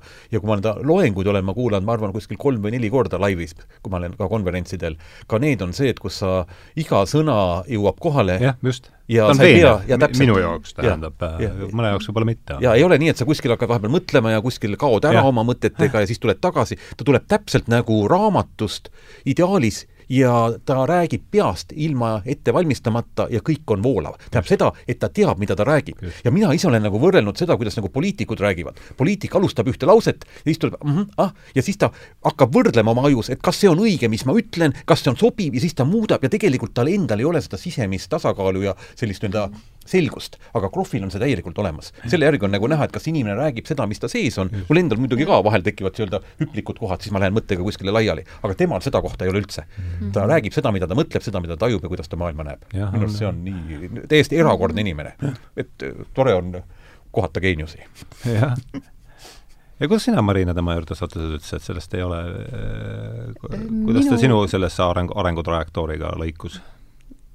no eks ikka sellepärast, et ma olen üks äh, idealistlik äh, psühholoog ja terapeut mm, -hmm. et mhm. ma äh, palju aastaid otsisin sellist inimeste abistamise viisi, mis päriselt suudaks ka inimest aidata. no just, jah, miks muidu seda teha siis? et no ise psühholoogina ja, ja olles erinevates teraap-, teraapiaalastes väljaõpetes, et ma pidin ikka tunnistama seda, et et endised vanad probleemid tulid ikka ja jälle tagasi mm. -hmm. ja ku-, kuni siis kaua sa siis olid juba psühholoogina töötanud umbes? No ma olin siis kuskil neljakümne kolme aastane, ma arvan. et mm -hmm. noh, ikka, ikka juba, juba, juba, juba peaaegu, kakskümmend aastat töötanud ju. ja siis äh, oli mul õnne saada kokku ühe naisega, kes, kellel ei olnud psühholoogiaga ja teraapiaga midagi pistmist, aga kes eh, tundis sellist tehnikat nagu psühhospirituaalne teejuhtimine. et tal oli oma suhe üldse psühholoogide ja, ja psühhiaatritega ja terapeutidega. aga äh, need olid sellised sisemaailma rännakud, kus äh, inimene on mõnusalt sohva peal pikali, paneb oma silmad kinni ja siis uurib just nimelt seda, mis seal sisemaailmas toimub ja kui ma need rännakuid olin teinud tüki neli, siis äh, kõik muutus minu jaoks. mu sees toimus nii suur puhastumise protsess. see siis nagu hüpnootilises seisundis läbi ei, ei, ei, lihtne lõõgastus. lõõgastus äh, ja ja noh, teatud kindlal viisil äh, akupunktuuride stimuleerimine, see on seesama tehnika, mida sinagi tead mida äh, holistilise regressiooni terapeudid ka täna kasutavad mm. -hmm. holistilise regressiooni teraapia, jah mm. -hmm. see on see ka mõiste? jah. ja äh, see oli tõeline puhastusprotsess. no miks ma nii ütlen, ma ennem äh, neid kogemusi, ma olin põhimõtteline suitsetaja. juba kakskümmend viis aastat suitsetanud selleks mm -hmm. ajaks ja minu põhimõte oli, et elu on äh, niigi väljakutseid täis, et mina jõuga äh, suitsetamist maha jätma kunagi ei hakka. et niikaua, kui mul meeldib suitsetada, niikaua mina suitsetan kas või hauani välja, elu lüheneb ainult lõpust. Mitte keskel. Selles on sul kahtlemata õigus. Et ma ei hakka endale piinasid juurde tegema, aga et kui sigaretid mind ühel päeval maha jätavad, et siis ma olen nõus sellega. Ja, ja nii see juhtus, et pärast neid seansse ma ei saanud enam suitsetada ma lihtsalt ei saanud, hommikul olin suitsetaja, õhtul enam ei olnud. et äh, mul oli selline tunne, et ma olen nii puhas seest mm. -hmm. ma olen, äh, mul, mul on nii vaba ja kerge olla, et see on suurim halb tegu, mis ma saan iseenda vastu teha, on, et panna see sigaret põlema ja, ja võtta seda suitsu enda sisse mm. -hmm. ja ühest päevast teise ma olin mittesuitsetaja ja siis veel kord, lõdvestus ja akupunktuur, see tähendab siis, mis see tähendab siis konkreetselt mingit äh, aku? Ei, mitte nõelad, see on, see on noh sõrmedega vajutamine, käte, käteravi, käte, kätega ravi sul? väga õrnad puudutused. mitte ka selline akupressuur, vaid, vaid väga-väga õrnad stimuleerivad puudutused, mis, mis aitavad just puht energeetilisel tasandil ja, ja aitavad teadvusel avarduda. Mm. -hmm. niisugune tore tehnika, mille nimi on Windows of the Sky, taevaaknad nii et see oli äh, minu tee siis äh, selle teistsuguse teraapia juurde. aga see avas üldse ukse sellesse paralleelsesse ja, ja krohv oli siis üks äh, jah, ja, ja, ja siis ähm, olles siis selle naise koolitusel, Inge-Liise Embü on ta nimi äh,, siis ma puutusin kokku esimest korda selle mõistega transpersonaalne psühholoogia. ja ma sain äh, teada, et maailmas on veel teisi hulle psühholooge, nii nagu mina kes tahavad inimesi aidata? ei, kes, kes usuvad, et maailmas on veel midagi peale selle nähtava ja mm -hmm. käegakatsutava maailma mm. -hmm. nii et see oli minu avanemine. ja noh, Krohv oli loomulikult ju üks nojah, sa esitad üks keskseid nimesid selles koridoris juba. ju-, just nimelt noh, mul on väga palju kasu olnud eh, Vilberi raamatute lugemisest mm. -hmm. pean väga lugu ja. sellest, mida, tema süsteemsusest ja sellest, kuidas ta oskab asju struktureerida mm. -hmm. nii et see on aidanud ka minu pilti selgemaks teha ma saan aru, et Vilber on olnud sinu jaoks ka väga oluline autor, eks? no minu jaoks oli ta, oligi selline nii-öelda läbimurdeautor, ma nimetaks. Vilber ennekõike. jaa, Vilber, see kõiksuse lühilugu, kõik see hoolonite teooria, mis mm -hmm. see puudutas, ma, ma, mulle praegu ka kananahk peale, kui ma selle raamatu peale mõtlen ja ma ei saanud, ma mõtlesin, et seda peaks iga, iga inimene, iga psühholoog peaks selle kindlasti läbi lugema, et üldse saaks aru, millest nagu juttu on. sest no muidu võetakse seal mingi asi, öeldakse, et noh, tal on mingi teooria, meie ja nemad ja, ja, ja ainsus ja mitmus ja midagi sellist, ja noh, see on kogu lugu, aga tegelikult on seal sügav sisu on taga. samamoodi ma ütleks ka Freudi teoseid oleks vaja lugeda, mitte ütelda, tal on see, põhineb seksuaalsusel kogu asi, et see asi ei ole sugugi nii lihtne. ja Adlerit peaks lugema ja no üldse kõiki asju, et tegelikult tutvuma, ka Aldous Huxley, et lihtsalt nende kokkuvõtetega tutvumine ei vii mitte kuhugi üritada mõista. jaa, mõista täpselt ja, ja Wilberi teooria, noh, minul ta jõudis ihukarvadeni kohale mm. -hmm. ja samas ma ütlen, et tema puhul, ma olen ka tema teisi raamatuid lugenud ja ma aitasin kaasa kunagi raamatu Integraalne psühholoogia Eestisse tõlkimisele, siis ma ütleksin, et tal on mõned raamatud, mida ma ise ei ole võimeline lugema, sest see on nii intellektuaalselt ja nii tugevalt kirjutatud, et peab teadma, mida teda lugeda mm. -hmm. et kui lugeda, siis kõiksuse lühilugu ja kõiksuse teooria. ma ütleks mm -hmm. kohe, et ja integraalne psühholoogia, Mare Pork ütles selle kohta, ta arvab, et Eestis on võib-olla neli inimest, kes suudab selle läbi lugeda no, või noh, psühholoogi. läbi lugenud, ma olen siis üks nendest. jaa, ma, ma, arvan küll, mina, mina olen ka läbi lugenud, aga noh, see oli, see oli tõesti intellektuaalse pingutuse olümpiavõit on see. no aga mulle väga meeldib Atmani projekt. vaid täpselt, suurepärane raamat. mis asi? Atmani, Atmani projekt, ilmunud kirjastuselt Nebandon enne meid. jaa, jaa, mhm. kus on ja. inimese sünnist saati kõik arenguetapid kuni kosmiliste teadvusteni ja, ja. nirvaanani ja nirvana kõrgemate astmeteni lahti räägitud. no, no see raamat lõi minu jaoks äh, struktuuri ja, ja struktureeris ära ka kõik need New Age'ilikud äh, püüdlused, mis mis mhm. praegu ja, ja, meie kultuuris on. et ma oskasin neid siis paremini paika panna seal. ja andis mingi struktuuri alla, jah ja.. ahah väga huvitav. eks ma saan aru, et see Vilber oli siis sinu jaoks, ähm, kui Marina jaoks oli nüüd see nelja, oli see neli seanssi seda ja, siis ja. äh, holistilise, kas see on see, kas oli nüüd holistilise regressiooniteraapia või see oli midagi ei, muud? see oli psühhospirituaalne teejuhtimine. Psühhospirituaalne teejuhtimine, pane selle kirja. aga no ma, ma kasvasin sellest õpetaja õpetusest välja, et kuna mul olid teistsugused kliendid ja, ja ma pidin palju rohkem töötama mitte ainult selle vaimsusega ja selle spirituaalse aspektiga, vaid aitama ka inimesi, kellel olid äh, igasugused füüsilised kehaprobleemid, igasugused diagnoosid. nii et see tõi hoopis teisi aspekte sellesse sisse mm. -hmm ja, ja ütleme siis, kui sul oli see psühhospirituaalne teejuhtimine, mis nimetame seda siis selliseks parema mõiste teejuht, parema mõiste puudumise või selliseks kartesaanlikuks äh, paradigmaks, et siis sul oli Vilber äh, no, mul oli laad, see, et samalaadne või mis oli ja, sinu puhul no, see? minul oli ka kogemus, oli taustaks no., kõigepealt selline nii-öelda koolitusel, David Niinani koolituselt, ja siis oli nii-öelda uurimine, hakkasin natukene ülikoolis no, uurima. kogemus oli nüüd, kas kogemus oli eelnevalt, enne ülikooli, aastal kaks tuhat.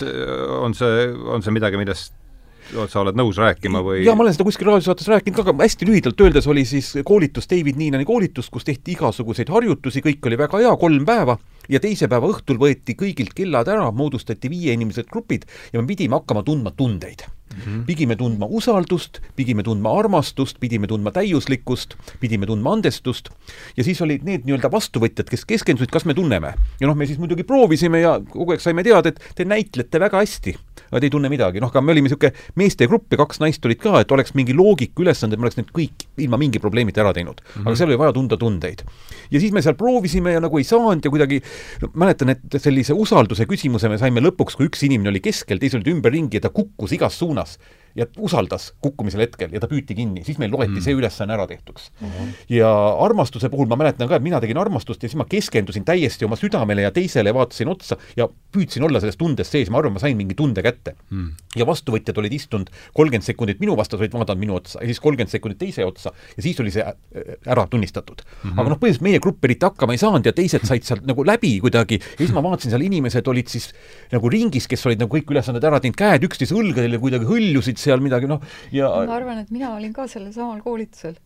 võib-olla küll, jah, ja, ja, ja vot, kõik, kõik hõljusid seal, no meie nagu hakkama ei saanud ja lõpus ka noh, kuidagi me saime, siis ma ka seal hõljusin seal, aga midagi ei tundnud. All you need is love käis muusikana taustaks, väga, väga tore oli küll, aga mitte midagi nagu ei juhtunud. sulnis pilt mulle tundub. mitte midagi ei juhtunud. ja siis järgmine päev oli siis see, kus siis noh, grupi ette küsiti, et rääkida oma kogemusest, mina tundsin, et noh, ma olen nüüd nagu haigla peaarst, et kes siis on, kuidagi vaatab mingit teleseriaali, kus siis kõik lähevad, tahavad, teatavad, et minu elu on muutunud, ma homme ütlen ülemusele, mida ma arvan seal, ma enam ei ela mitte ühtegi päeva sellist elu, ma olen täiesti, kõik muutub, nagu Ameerika teleseriaal toimuks seal mm -hmm. ja mina olen ikka niimoodi rahulik mm. -hmm. ja noh, see, vaatasin, noh, midagi, eks igaüks läheb lolliks samamoodi, mis siis ikka aga siis, kui päev ära lõppes ja siis ma istusin oma autosse ja siis mul sõitis nii-öelda katus ära. seda sa rääkisid vabriku seminaris täpselt, jah, jah, Leonard Coheni muusika oli. Coheni muusika, jah. ja see oli, ja siis see aeg peatus, kõik peatus, tähendab, see oli see koht, mida öeldakse, et noh, oleks nagu igavikus, igavikuliselt selles tundes edasi. ja siis ma tahtsin nagu kätte saada noh, mingi no seda nimetatakse ilmselt müstiliseks no,, äh, müstiliseks kogemuseks tõenäoliselt. jah, mingi, äh, mingi selle, selle kvaliteet oli seal. ja siis ma hakkasin selle kohta nagu uurima, sest see on selline kogemus, mida sa ei saa nagu eitada ja mitte kunagi varem sa pole mitte midagi taolist tegevust kogenud, sul pole mitte millegiga seda võrrelda, sul mitte kuskil oma ajus seda panna. jah, kuigi leht kirjutab, et sellist kogemust ei ole, aga sul endal on no, ja, ja pane nüüd lehega, lehejuttuga kokku. ja, ja William James ütleb ka, et oli. ja siis ma hakkasin seda ja. uurima ja sain siis ülikoolis, leidsin ühe artikli selle kohta soomlaselt ja selle lugesin läbi, siis ma võtsin selle oma kursuse tööks ja hakkasin järjest minema ja siis järsku tuli mulle mingi meil, et transpersonaalne psühholoogia Marina Ebert teeb ühe mingi koolituse. siis ma läksin tema koolitusele ka muidugi. aa, sa olid juba veel... ees seal selles koridoris siis? jaa, olin kohe valmis, et on veel teisi inimesi, kes sellega nagu tegelevad mm. -hmm. ja nii see nagu järjest läks, ülikooli suutsin ära lõpetada ja sain, Ken Vilberi juurde jõudsin niimoodi, et ma püüdsin sellele transpersonaalne psühholoogia küll, eks ole, mingid asjad ja räägitakse, aga et saada sellele teoreetilist raamistikku yeah.. ja siis, kui ma Ken Wilberi kätte sain, mul tuli, kõik asjad läksid paika. sa said raamistiku oma kogemusele, said aru, kuidas universum toimib ja mismoodi see areng on, seal oli nii palju neid pusletükke läks ühe korraga paika mm. -hmm. Ja siis sealt edasi mingi raamistik on oluline, et see ja. kogu see asi panna, jah ja järgmine oli, et kui sa oled Wilberiga tutvunud, siis loe Kroffi, igalt poolt jooksis see läbi. aa, niimoodi oli? ja, ja siis ma lasin Kroffi artikli ära tõlkida transpersonaalsest tekstikogumikust, mille ma andsin ka hiljem välja eesti keeles. see oli mm -hmm. sinu raamatukoolis, oli see sinu kohustuslik kirjandus? kohustuslik, praegugi on kohustuslik praegugi. kirjandus. no vot, ja, ja siis ma tõlkisin ära ja siis ma sain aru, mida Krohv räägib. ja siis ma lugesin edasi teda veel ja tulevikupsühholoogia väikse vankri puhul me andsime, aitasime neil seda välja anda, nii et tulevikupsühholoogia esimene raamat, ma olin juba juures tema raamatu väljaandmisel mm. -hmm. ühesõnaga, elu niimoodi natukene muutus ja mina ise ütleks, et paremuse suunas. noh, ja siis mm -hmm. ka kaks tuhat kuus veel siis sattusin Brasiiliasse, sinna šamaanide juurde, see siis lükkas veel täiendava hoo sisse sellistele, sellele kohta, mida nagu olemas ei ole. nii et nagu järjest on see kõik nagu liikunud mm. -hmm no kui me nüüd tulet-, tuletame meelde, mis selle saate eesmärk oli, et et vähemalt kaks viiendikku nendest, kes ei ole ühtegi Krohvi raamatut lugenud, kaasa arvatud saatejuht, ühe siis läbi loeksid, et mis, mida te soovitaksite, ütleme, eesti keeles olemasolevatest, mis me, mis meil on olemas, meil on tulevikupsühholoogia, meil on kosmiline mäng? siis on olemas see, kui sünnib ilm võimatu, praegu ma isegi soovitaks, kui sünnib ilm võimatu. sest muidu ma mõtlesin, ma soovitaks tulevikupsühholoogiat, aga ma lugesin seda ise uuesti, ta läheb natukene keeruline, kui sul ei ole seda natuke baasi all, aga kui sünnib ilm ilmvõimatu, seal ta kirjeldab lugusid oma klientide kogemustest, iseenda kogemustest, nii-öelda oma elust mm, -hmm. sellest võiks täiesti alustada. ja loomulikult kelle... sinu sarjas või? jah, minu sarjas on ta ka, jah. ja kui on juba natuke ka mingid kogemused olemas, siis ma soovitan kosmiline mäng. sealt saad oma kogemustele ka sellist filosoofilist tausta, kus ta arutleb ka, ütleme, elu olemuse üle ja siis nii-öelda baasküsimuste üle, miks me siin oleme mm. -hmm. mis see teadvus on ja kas teadvus on ainult äh, meie sees? kosmiline mäng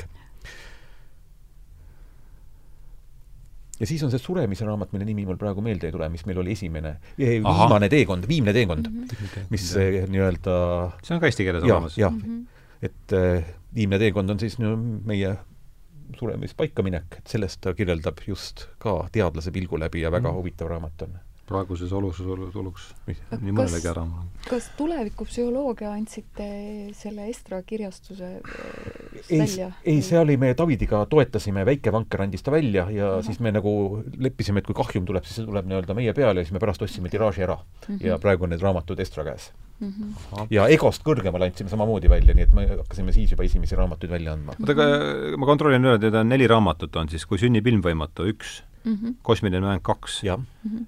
viimne teekond kolm, ja tulevikupsühholoogia neli ja holotroopne hingamine viis. holotroopne hingamine ka muidugi, jah ja. ja nüüd me, noh, sa tead äh,, Alar, need jutuajamised, me tahaks anda välja selle ähm, kas ta, mis tal see viimane on Ps, Psühhonaudi tee või? jaa, tähendab, tema enda elus viimane pidi olema ja, hea raamat. selle me tahaks, äh, kui me nüüd saame kokkuleppele, siis äh, see oma sarjas selle võtta siin. see on on inimese elukogemus, et ma olen ka tähele pannud, et selliste seitsmekümneaastaste meeste, kes on elus üht-teist saavutanud, siis nende raamatud on kõige huvitavamad, sest seal on kontsentreeritult see, mida ta on neljakümne, viiekümne aasta jooksul ja. teada saanud.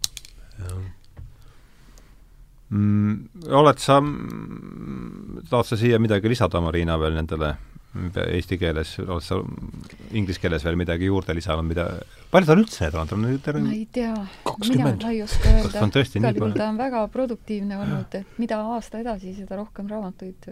Mm. -hmm. ei noh, ma arvan, Alar teab paremini raamatute seisu kui mina. no needsamad kaks tükki oleks hea ah, tegelikult aga neid ma olen isegi mitte lugenud mm. -hmm et Aldous Huxley, see igavikuline psühholoogia on mul esimene, mida ma tahan läbi lugeda, aga neid tuleb ka võtta plaani. huvitav, kas ta vaevalt nende tee, nende teed ei, ei on on nüüd rist kuuskümmend kolm suri Huxley, ei ristunud, ei ristunud, ristunud. kurat, kes see aa, Tarnas räägib sellest, et kuidas ta Maslow'ga sai Krohv ja Maslow said kokku. ja nemad on kohtunud. jah, Maslow ja Krohv, jah, see oli väga huvitav lugu veel, et, et ta Tarnas rääkis seda ühes omas loengus, et, et Krohv läks siis Maslow'le külla ja et Maslow abikaasa tundus olevat väga tõrjuv et see oli põhjus, et Maslow oli siis, kas oli mingi infarkt ja ta kartis, et kui need kaks kokku saavad, et siis see võib äh, Annale Maslow'le nii stimuleeriv või kuidagi, et jah, see, nad äh, olid äh, tundsid üksteise töö vastu suurt, suurt huvi, nii palju, kui ma sellest annan. ja ta tegi Tarnasega, kas sa seda, kas sa seda, sellega oled kursis, mis nad Tarnasega koos tegid seal, see, see, nad olid äh, äh, ma ka täpselt ära ei tea, mis see seal täpselt oli, aga aga niisugune noh, psühholoogia ja astroloogia mingi jaa, sellise Tarnas oli tema üks selline- paremaid sõpru ja ta ja. On väga mitmes loengus viidanud Tarnase teostele. Ja ütleb, need ei ole nagu päris sugugi niisama mingisugune astroloogia nii udru-mudru, et see pidi Jah. väga-väga sügav olema. ja, ja aga Maslow oli ju hädas sellega, et tema see humanistliku psühholoogia kõrgemad tasandid ei seleta ära, mis sealt nagu edasi on ja tema ikkagi elu viimases perioodis oli ka ikkagi selgelt äh, transpersonaalse psühholoogia poole pöördus. no mit-, kohe, kohe ikka väga pöördus transpersonaalse poole. Maslow, jah? vot seda jaa. poolt, no ma, mis ma, mis Jaa. ma üldse tast teadsin, eks, aga aa, Maslow pööras ka siis sinnapoole, kui ta jõudis selle eneseteostuseni, siis äh, sellest tulid edasi ju järgmised mõtted, et nojah, see on muidugi põhjus, miks nad Jaa., miks ta profi vastu nii suurt huvi tundis no. jaa, et kui sa eneseteostuseni oled jõudnud, siis sa hakkad märkama, mis sealt edasi tuleb, et tegelikult Jah. ju muidu vaadatakse võib-olla mõnda budistlikku munka, et noh, mis ta seal mediteerib, eks ole, aga see, mis, mis on tema sisemised kogemused ja mis seal nagu toimub, et see on hoopis teine kvaliteet.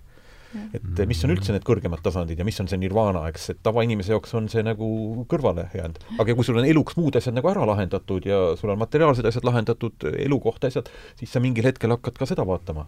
ja noh, Maslow tõi siis selle kohta psühholoogilise teooria ikkagi.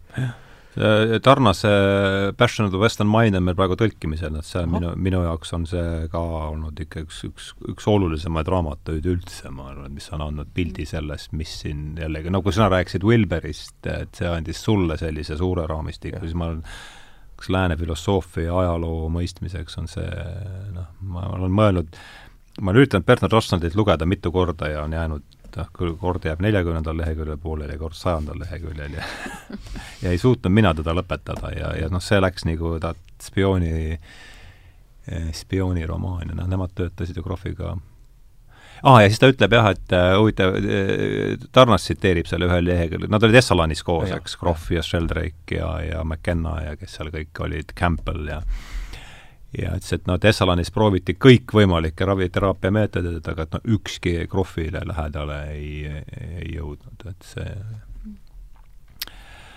et selline jah, väga, väga, väga tõesti huvitav, huvitav tegelane, aga nüüd on meil huvitav mees.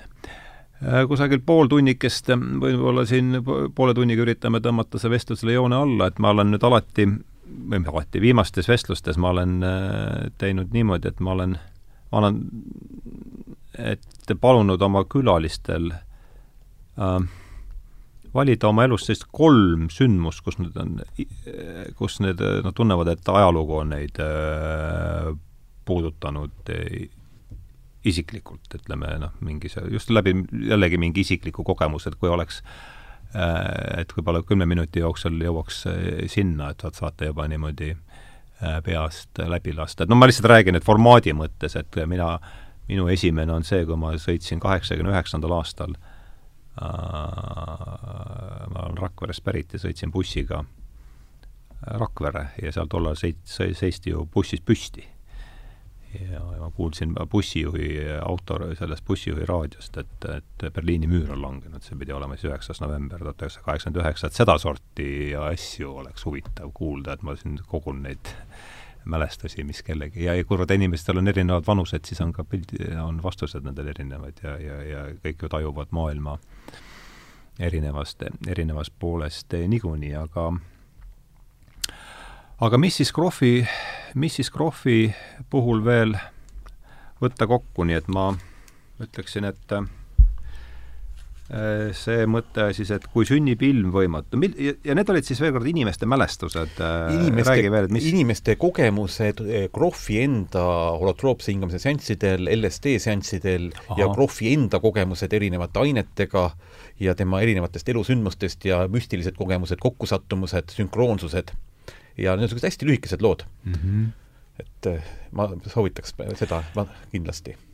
aa ah,, ja, ja aga kui, kui ütleme nüüd see küsimus kindlasti, et ma mõtlen, mida, mida siin, Jung ja, ja Krohv, kuidas kuidas klapivad kokku, noh ilmselt klapivad, aga, aga kus klapivad, millised, et võib-olla mingi kümmekond ja viisteist veerand tundi võib-olla sellele teemale. jaa, Jungi juurde võiks küll mõne sõna võtta et eh, ka nendel isiklikult ilmselt kohtuda ei õnnestunud, sest Jung suri tuhat üheksasada kuuskümmend üks.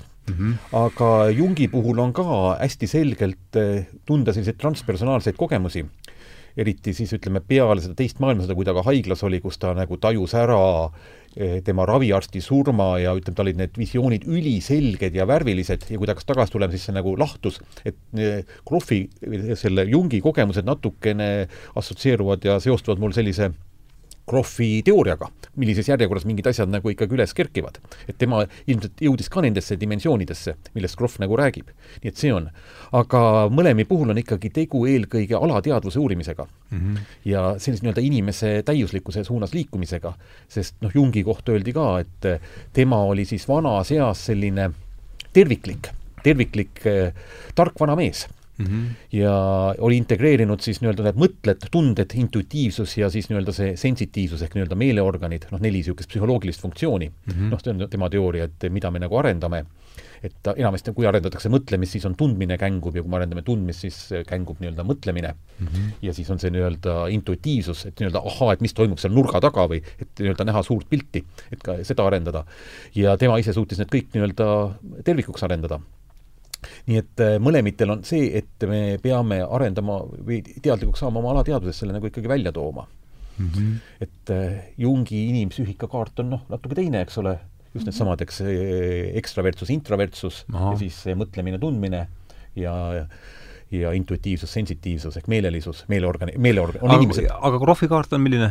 Krohvi kaart on siis nii-öelda psüühikatasandid, et kus me hakkame minema selle nii-öelda baasmaatriksiteni välja. see oli see, millest sa selle, millest ma rääkisin. ja, ja, ja Wilberi kaart on hoopis jälle teistsugune, kes, mis hakkab pihta ka nii-öelda lapsepõlvest nullist kahe aastani, kus sa, laps paneb kõiki asju suhu. tegelikult nad kirjeldavad ühte asja, noh, nii nagu seda elevanti, aga nad kirjeldavad erinevate nurkade alt. ma, kui ma neid nagu rohkem olen kogenud, siis ma, ma arvan, ma ei näe nii tugevaid äh, vastuolusid on mingeid spetsiifilisi erinevusi. noh, näiteks äh, Krohv on öelnud, et tema kirjeldab inimese transpersonaalseid kogemusi, aga ta ei pane ära, mis tasandile need lähevad. näiteks Vilber paneb need kõik erinevatesse tasanditesse, seal on siis see e, müstiline ühtsus ja, ja need on, need on ka minu jaoks lähevad natukene nagu keeruliseks, et sa vaatad mäge ja oled mäega üks ja siis pärast oledki mägi ja siis pole enam mitte midagi, mis on veel kõrgem tasand, nii-öelda mingisugused budistlikud tasandid ja noh, Jungil öeldakse, oli siis see, et temal kõrgem ja madalam alateadvus. noh, madalamas alateadvuses on hirmud ja foobiad ja kõrgemas alateadvuses on loovus ja intuitsioon ja looming, siis temal olid need kõik pandud lihtsalt alateadvuse alla. et ta näiteks ei erista kõrgemat ja madalamat alateadvust Mm -hmm. et eh, Assange'il näiteks tema eristab, et madalamat ja kõrgemat alateadvust, et siin on olemas spetsiifilisi erinevusi. Eh, mina arvan, et eh, nii-öelda jungilikult et need Jungi arhetüübid on muidugi tõenäoliselt, mida kõige rohkem kogetakse näiteks psühhedeelsetel seanssidel ja hingamiste puhul. et see arhe-, arhetüüpide teema, mis on siis nii-öelda Jungi suurim panus, mida on kõige raskem minu jaoks defineerida, ma ei tea, kui, kas sina oskaksid ära te-, te-, mis, mis on arhetüüp? arhetüüp, jah. jaa, ma võin proovida aga see oleks huvitav asi, mida võiks ja, natukene sest, sest no mina olen jagada. väga suur Jungi austaja, ma, ma tõesti pean teda geniaalseks äh, inimeseks ja äh, arhetüüpidest ma saan äh, aru nii, et meie, tähendab, inimkonna äh, sellel in-, informatsiooni kõvakettal mm -hmm. on teatud algne informatsioon. ja see algne informatsioon, see on, seda võibki nimetada arhetüüpseks mm. -hmm. et see on miski, mis, mis puudutab absoluutselt kõiki inimesi. sellel äh, Äh, kõvaketta tasandil on äh, arhetüübid, mida me võime kirjeldada, äh, aga kui ühe arhetüübi mõju jõuab ühe inimeseni, siis see, see nähtumus või see, mismoodi ta läbi ühe inimese avaldub, et see võib olla väga palju erinev mm. -hmm, nii et igaühel on ja, oma mingisugused, mi, mingisugused nüansid mm. -hmm.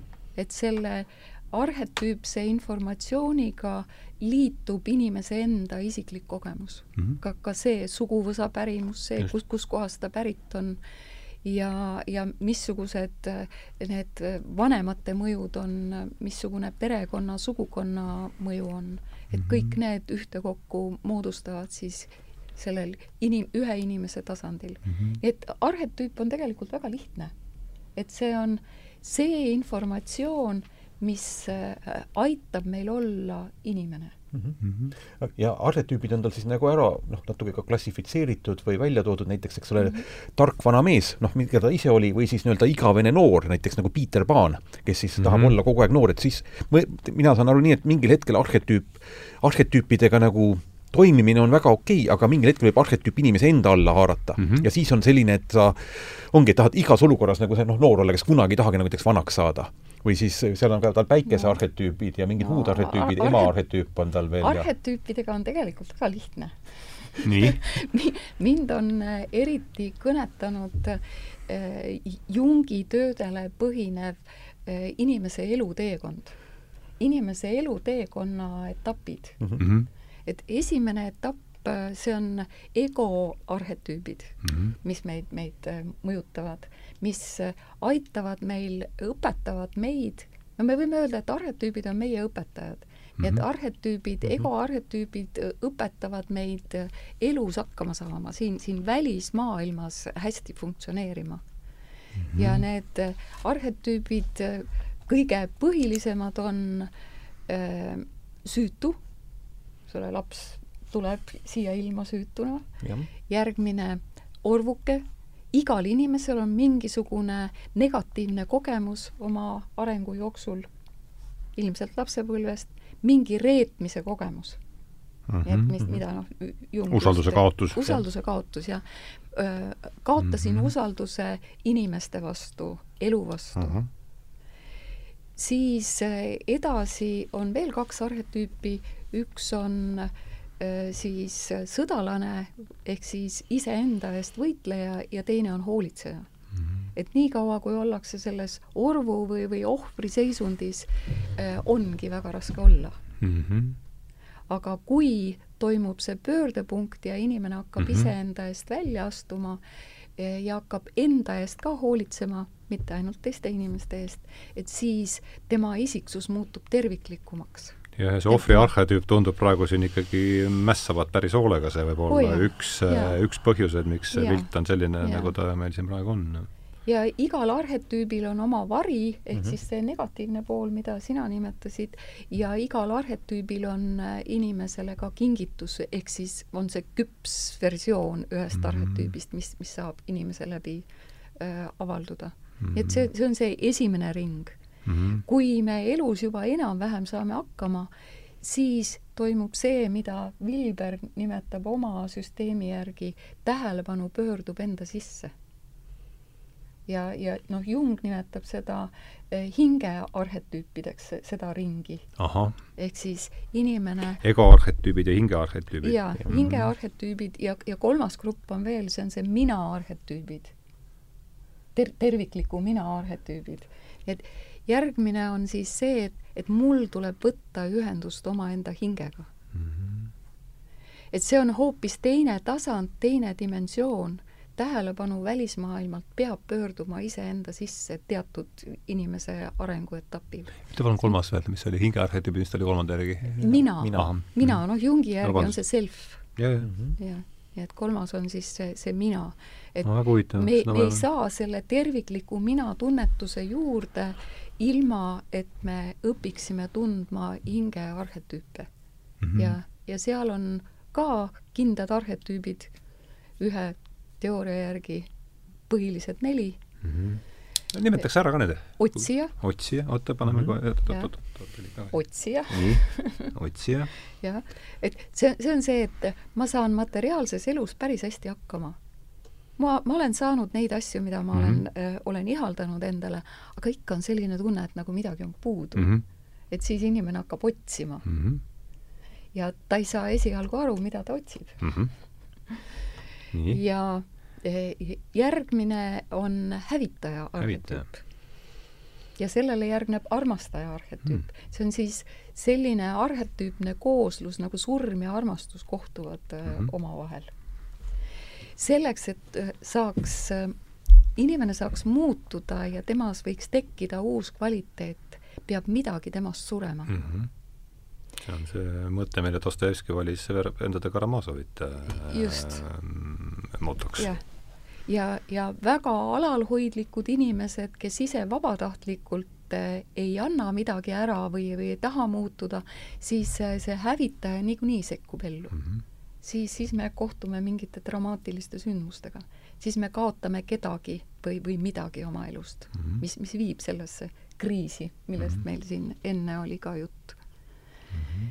nii et kui, kui surm on teinud ruumi, siis saab armastus sündida mm. -hmm. siis saab nisud ära mm, kasvama hakata. no just, just nimelt. et siis, siis saab see uus saab sündida.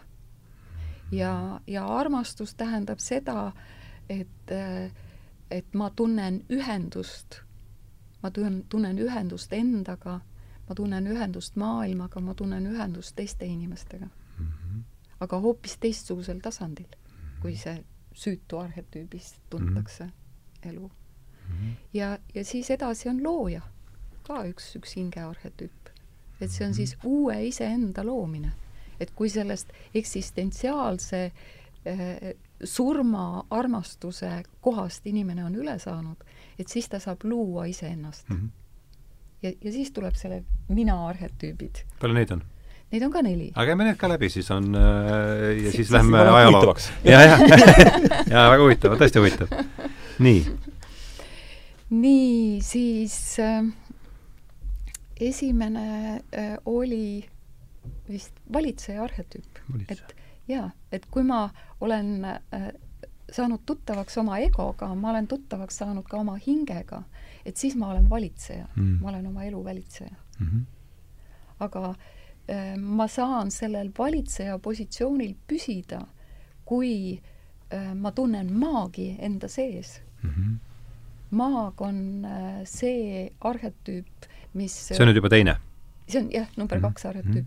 maag aitab meil äh, äh, tundma õppida ja kasutada neid nähtamatu maailma seaduspärasusi mm. -hmm. ühesõnaga, maagilisel tasandil oma elu juhtida mm -hmm. ja, ja juhatada. Äh, siis on tark või elutark see, kes, kes oskab vaadata elu kuskilt kõrgemalt positsioonilt, sellelt vaatleja positsioonilt, et paremini aru saada, et mitte alati uppuda sellesse, nendesse elusündmuste rägastikku mm, -hmm. vaid paremini mõista seda, siis on vaja seda elutarka, kes oskab õigeid järeldusi teha. no ja neljas on siis äh, narr. ega hea valitseja ei saa ilma äh, ju äh, huumorita hakkama. see on Sest, trikster või? jaa, see on trikster mm. -hmm. et elu ei maksa nii tõsiselt võtta mm. Ja, ja noh, see narr tegelikult viib meid jälle selle teekonna algusesse tagasi mm. -hmm. see kaose ja korra lõpmatu tants. kosmiline tants. väga kihvt ehm, suur tänu selle, see andis jälle tükk tükk, maad mõtlemisainet juurde, aga tuleme siis nüüd lihtsalt ütleks siis juurde, et kui nagu siit, siduda Jungi ja, ja, ja Kroffi ja kõiki neid arhetüüpe, siis mina ütleks ikkagi nii-öelda Kroffi teooria järgi, nendest teisenenud seisunditest sa saad kokku selle arhetüübi alusega ja sa mm -hmm. näed neid arhetüüpe hästi selgelt. ja, ja, ja, ja saad aru, et see arhetüüp on võib-olla minule võimust võtnud. et ma olen, see arhetüüp ei ole ju kogu aeg inimese olemus. et see on see, mis on nagu seos, nii et nad on omavahel kõik haagivad ikkagi. no lugedes äh, Krohvi tulevikupsühholoogiat, siis Krohv tsiteerib Jungi või viitab Jungile ja. väga palju kordi. ja, ja just nimelt arvata. selles trans, transpersonaalses ja, ja arhetüüpses kontekstis mm. -hmm üks lause, mille üle ma olen, selle ma noppisin, noh, Peterson oli minu jaoks see, kes Jungi tõi mulle äh, kohale ja tema olulise osa juhti- ja üks tema lause, mida mille üle ma siin nüüd jällegi siin noh, päevauudiseid ei loe, aga ikka tead, see imbub ju äh, tänaval toimub, imbub endale ikka lõpuks, et, et, et me peame, et oleks kasulik välja selgitada see, mis müüdis me oleme, et see ei pruugi meile, see ei pruugi meile meeldida mm. -hmm see on tõesti, minu arust üks võtmeküsimus on praegu see, et mis müüdis me siin äh, praegu oleme, et noh, ajaleht on see viimane koht, kus sellest midagi teada saab mm. -hmm. või kui saab jah, kui saab, jah aga tuleme siis tagasi mm, või lähme siis edasi sellesama küsimuse juurde, mis ma, mind tõesti huvitab see. ega ma muidugi küsiks. ma ei tea, kas Kupp tahab alustada? kolm sündmust, kus tunnete, et ajalugu on just see, et kus on mingi isiklik niisugune, et noh, mul see Berliini müür tuli ka just tänu sellele, et ma seal ku-, bussis seda kuulsin no,. no ma, ma alustaks ühega. jaa, alust-, jah, võib jah minna, võib minna üle ühe, jah, täpselt, jah. vaatame, mis siis edasi saab, sest mul üks tuli Nii. meelde. et see oli äh, minu äh, esimene välisreis Aha. ja see oli Soome mm. -hmm sellist noh, kapitalistlikule maale ja siis äh, räägiti sellest äh, kultuurishokist ja noh, siin Eesti, aasta võis olla? aasta oli kaheksakümmend üheksa. no ta on umbes sama, mis mul. et kul-, kultuurishokk, et nii raske on seal olla ja, ja vaadata kogu seda rikkust, mis, mis kõikidel nendel seal on jaa, tõepoolest, mina äh, käisin ja, ja vaatasin, kultuurishokki mul ei tekkinud, aga mul tekkis viha mm. -hmm. et see on tõeline raiskamine noh, et, et mõeldes kõige selle peale, et kui tühjad meie poed olid kõigest, kõike oli vaja mm. -hmm.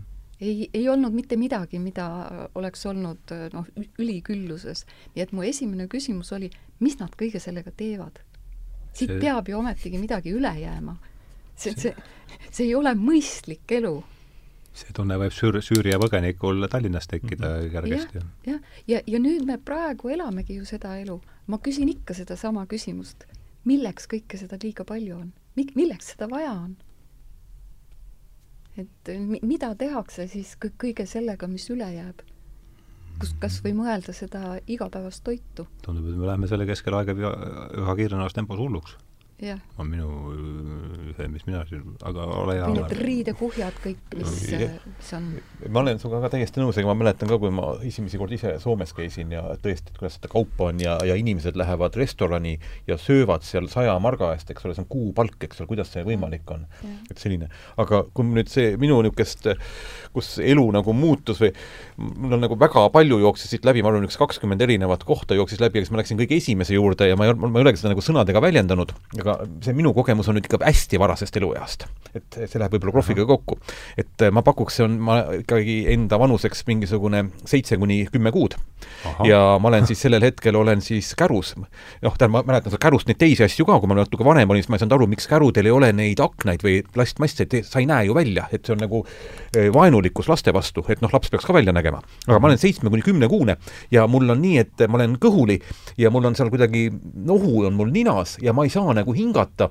Ja niisugune halb on ja kuidagi siis üks ninapool töötab ja siis hakkab nagu kuidagi teine pool ikkagi töötama. Ja sellest on mul kuidagi meeles see, et okei okay,, et mul on väga halb, aga ma tean, et see laheneb ära et ma saan elus hakkama. mul on kuskil mingi, see on kuskil päris varasest niisugune mm -hmm. seitse kuni kümme kuud või midagi, see, et ma veel igal juhul käia ei osanud mm. -hmm. et mul on eh, esimesed mälestused, olen ma pääsenud ligi kuskil neljakuulistele või nelja-viiekuustele mälestustele. no mingist arusaama riigikorrast sul tol, tol hetkel ei olnud, et kellele kuulub kes viimas-, kes viimased valimised võitis? ei, minu riigikorrast oli ikkagi see, kui ma olin lasteaias ja seda ma ka oma raamatus kirjeldan, kuidas ma räägiti midagi onu Leninist ja, ja ta tegi revolutsiooni Aha. ja siis ma sain juba numbrid aru, tuhat üheksasada viis tegi midagi ja, ja seitseteist tegi midagi ja asjad ja siis ta oli suri ja, ja asjad ja siis ma sain järsku aru, et ta suri tuhat üheksasada kakskümmend kaks ja revolutsiooni tegi tuhat üheksasada seitseteist ja mina olin üliõnnelik selle üle, et näed, ta nägi oma töö vilja et see oli siis nii-öelda ajupesu, mis mul lasteaias ära tehti. lasteaiajutt onu Leninist. jaa, jaa, läks natuke aega mööda, aasta siis muidugi said aru, et milline jaburus mulle siin edasi anti. aga kui nüüd edasi kogemusi võtta, siis ikkagi seesama, mis ma mainisin, see müstiline kogemus, see on kogu minu tegevust ja maailma täielikult muutunud, seesama mm -hmm. aastal kaks tuhat see... David Liinani koolituselt. ja midagi ei ole öelda, ikkagi Brasiilias šamaanide juures ayahuasca tee joomine näitab ikkagi ära selle, mida, mida muidu ei näe. Et seal mul on ülisuur tänulikkus, tunne, sest see ikkagi avas sellise ka nii-öelda see tundemaailma ja mõttemaailma üheks viimise. Ja lisaks peale seda ma kirjutasin päevikut seal, siis ma olen takkajärgi lugenud, siis peale seda ma õppisin kirjutama. et minu mõtted muutusid voolavaks, nii-öelda sellised eraldi olevad osad, ma nimetaksin tükid minu ajus said nagu kokku ja kui ma edasi mõtlen, siis võib-olla varasemaks, siis ikkagi ma ei oska nagu ühte sündmust välja öelda, aga ikkagi see, et ma hästi palju lugesin ja mõtlesin ja, ja võib, võib-olla ikkagi võib isegi niimoodi sõnastada, et ühel hetkel ma mõtlesin, et oleks vaja ikkagi nagu raha ka ära teenida, et noh, ilma rahata siin elus hakkama ei saa Mm -hmm. ma mäletan hästi selgelt seda mõtet, et ja siis ma tegin selle nii-öelda valuutavahetuse, ma nagu mõtlesin, kust nagu raha liigub, et oleks vaja raha teenida. Ja, ja ma mäletan selle juures veel ühte mõtet ka, sest ma sain väga hästi aru, et kui sa rahaga hakkad tegelema, siis see arhetüüp haarab sind enda alla. Ja siis ma mõtlesin, et aga kas ma saan sealt nagu ka välja, kui ma lähen sinna rattasse sisse, ma mäletan hästi selgelt, jaa, mäletan hästi selgelt. Ja siis ma nagu otsustasin ja panin paika mingisugused summad, et siis ma igal juhul, on mul see olemas ja ma lähen sealt välja. Kuigi ma arvan, et väljasaamisel aitasid pigem need ka vaimsed kogemused kaasa. nii et eh, seda ma nagu sain tolle, tollel hetkel, ma olin ka piisavalt palju lugenud ja ma sain aru, et mismoodi mingi asi võib inimese enda alla haarata. Mm. -hmm. Aga siis seda ma loen ka ikkagi selliseks väga niisuguseks ka oluliseks, sest see on mingisuguse ühe osa maailmast minu jaoks nagu ära lahendanud mm. -hmm. nii et sellised esimesed mm -hmm. seosed mul. no mina, mina, mina ja ajalugu. Ehm, ma läksin esimesse klassi kui oli aasta tuhat üheksasada viiskümmend üheksa. ja äh, eks siis kõik, kõigist lastest said ju oktoobrilapsed mm, -hmm. Tähekesed rinnas. ja hiljem äh, said kõik äh, pioneerideks. ja aastal kuuskümmend seitse, kuuskümmend kaheksa, see oli see aeg, kus ma äh, lõpetasin äh, seda esimest, üheksandat klassi mm. -hmm Äh, siis äh, oli, äh, oli kohustus min-, astuda komnooreks mm. -hmm. Ja siis mina ja minu pinginaaber Kai, kellega me oleme sõbrad siiamaani, nüüd juba kuuskümmend aastat et meie siis, küll me arutasime omavahel seda, et kas me siis astume komnooreks või me ei astu komnooreks. Kadriga? oli see Kadri? Kai. Kai, vabandust, Kai, Kai arutasite seda. ja äh, siis õpetaja rääkis, kõik peavad astuma, teid ei võeta keskkooli muidu üldse mm. -hmm. siis oli see üleminek keskkooli. Teid ei võeta keskkooli.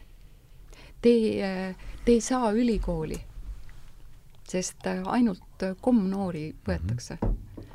no, oli selline jutt? jaa küll me jalutasime väga palju Pelgulinna tänavatel ja arutasime seda põhiküsimust, et mida me siis nüüd otsustame mm. -hmm. ja see oli, see oli siis meie mõlema nagu selline esimene julge iseseisev otsustus, et me ei astu komnooreks. ja mm, -hmm. ja mitte midagi sellest ei juhtunud. me, meid mõlemad võeti keskkooli ja ka mitte komnoorena sain ma ka ülikooli sisse Äh, nii et, et seda protestivaimu ja, ja teistmoodi mõtlemist, et seda on mul olnud äh, ilmselt juba emapiimaga kaasa antud jah, olgu. aga tuleb ka kolmas midagi või see on? no ei pea, aga või ka siis oli hea, see on see, see on võib-olla, see on ka seotud selle ülemineku ajaga ähm, mu elus on üks periood, kus ma olen elanud Taanis, et ma äh, üheksakümne viiendal aastal abiellusin taanlasega ja siis üksteist aastat äh, elasin Taanis, nii et taanlane elab praegu Eestis ja õpib usinalt eesti keelt, aga siis äh, see Taani periood oli ka. ja äh, inimesed olid minu suhtes, Taani inimesed, väga kaastundlikud mm. -hmm. et äh, teil oli ikka seal nii raske elu seal Nõukogude Liidus mm. -hmm. ja kuidas te küll seal ikkagi hakkama saite ja mm -hmm. mina ütlen, et mul oli õnnelik lapsepõlv. Mul, mul oli õnnelik noorus. ma olin väga rahul kõige selle eluga, mis, mis mul oli. ka mm, -hmm. ka kuni selle hetkeni, kui ma Taani kolisin mm. -hmm. mitte sel põhjusel, et ma oleks tahtnud siit Eestist ära minna mm. -hmm. et need, need olid muud isiklikud põhjused, miks see asi niimoodi kujunes et see, see kaastundlikkus ja, ja mitte arusaamine, et mida see noh, suletud riigis elu võis tähendada mm. -hmm. ja minu mõistmine, et, et see tegelikult tegi inimesi palju tugevamaks mm. -hmm ja, ja et kui ma võrdlesin iseennast ja, ja neid minuvanuliseid taanlasi, siis nad kindlasti olid palju rohkem, elu oli neid hellitanud mm.. et ma ütleks, et et siit Nõukogude Liidust minnes oli kindlasti rohkem pealehakkamist. vurts oli sees ikka ja,. jah, jah, ja, ja rohkem seda tunnet, et äh, ma saan ise hakkama mm. -hmm. nii et selle eest võib Nõukogude Liidule ainult tänulik olla. olid omad momendid ka selles moodrus aga väga vahva, mul on tõsiselt hea meel, et see saade sai nüüd teoks äh, Äh, tänan teid tulemast, Marina Ebert, Alar Tamming. Jaa, ma lisaksin nüüd seda, et meie raamatuid reklaamisime küll, aga ütleme, kust neid siis osta saab, on transpersonaalne.ee kodulehele võib minna. ja sealt võib edasi vaadata ise ja tutvuda, et natukene reklaami ka siis. jah, ja vaadake kindlasti seda Vabriku seminari, seda saadet, kus meil on terve kahetunnine sama pikk vestlus, on see konkreetselt sellest sarjast, mis me Alariga tegime siis möödunud detsembris, et see oli mulle ka, see vestlus väga meeldis, et see nagu on alati huvitav lobiseda ja väga hea meel, et sa tegid meid Marinaga tuttavaks, ta, me oleme küll korra, korra varem kohtunud, aga aitäh kutsumast! puhas rõõm, oli puhas oli, rõõm, oli, oli, oli. tõesti. Samad oli sõnad ja väga huvitav oli, ma mäletan su loenguid, ma peaks uuesti tulema, kui on avatud loengud, nii oli kuulata seda arhetüüpide osa jälle. jah, ja oleme saanud ka juba positiivset tagasisidet, et ütleb, siis kirjutab kuulaja, et mulle meeldis tänane saade väga sümpaatsed saatekülalised ja hea õhkkond. no tore. kas, kas ma võin lõpetada tsiteerides Krohvi? muidugi sügavaimaid vajadusi suudab rahuldada ainult omaenda jumalikkuse kogemine holotroopilises teadvusseisundis. no vot, sellega on tõmmata joon alla. sellega on hea tõmmata joon alla, et tänan teid tulemast, Marina ja Alar, aitäh, Riko, puldis olemast ja äh, head õhtut! Ja, üheksakümne viies saade peaks meil olema seitsmeteistkümnendal ja siis peaksid olema külas meil Ingamar Vihmar ja, ja Märt Avandi ja juttu tuleb huumorist hmm.. ja nal-, kuidas sellest, kuidas nalja teha. nii et äh, peatse kohtumiseni!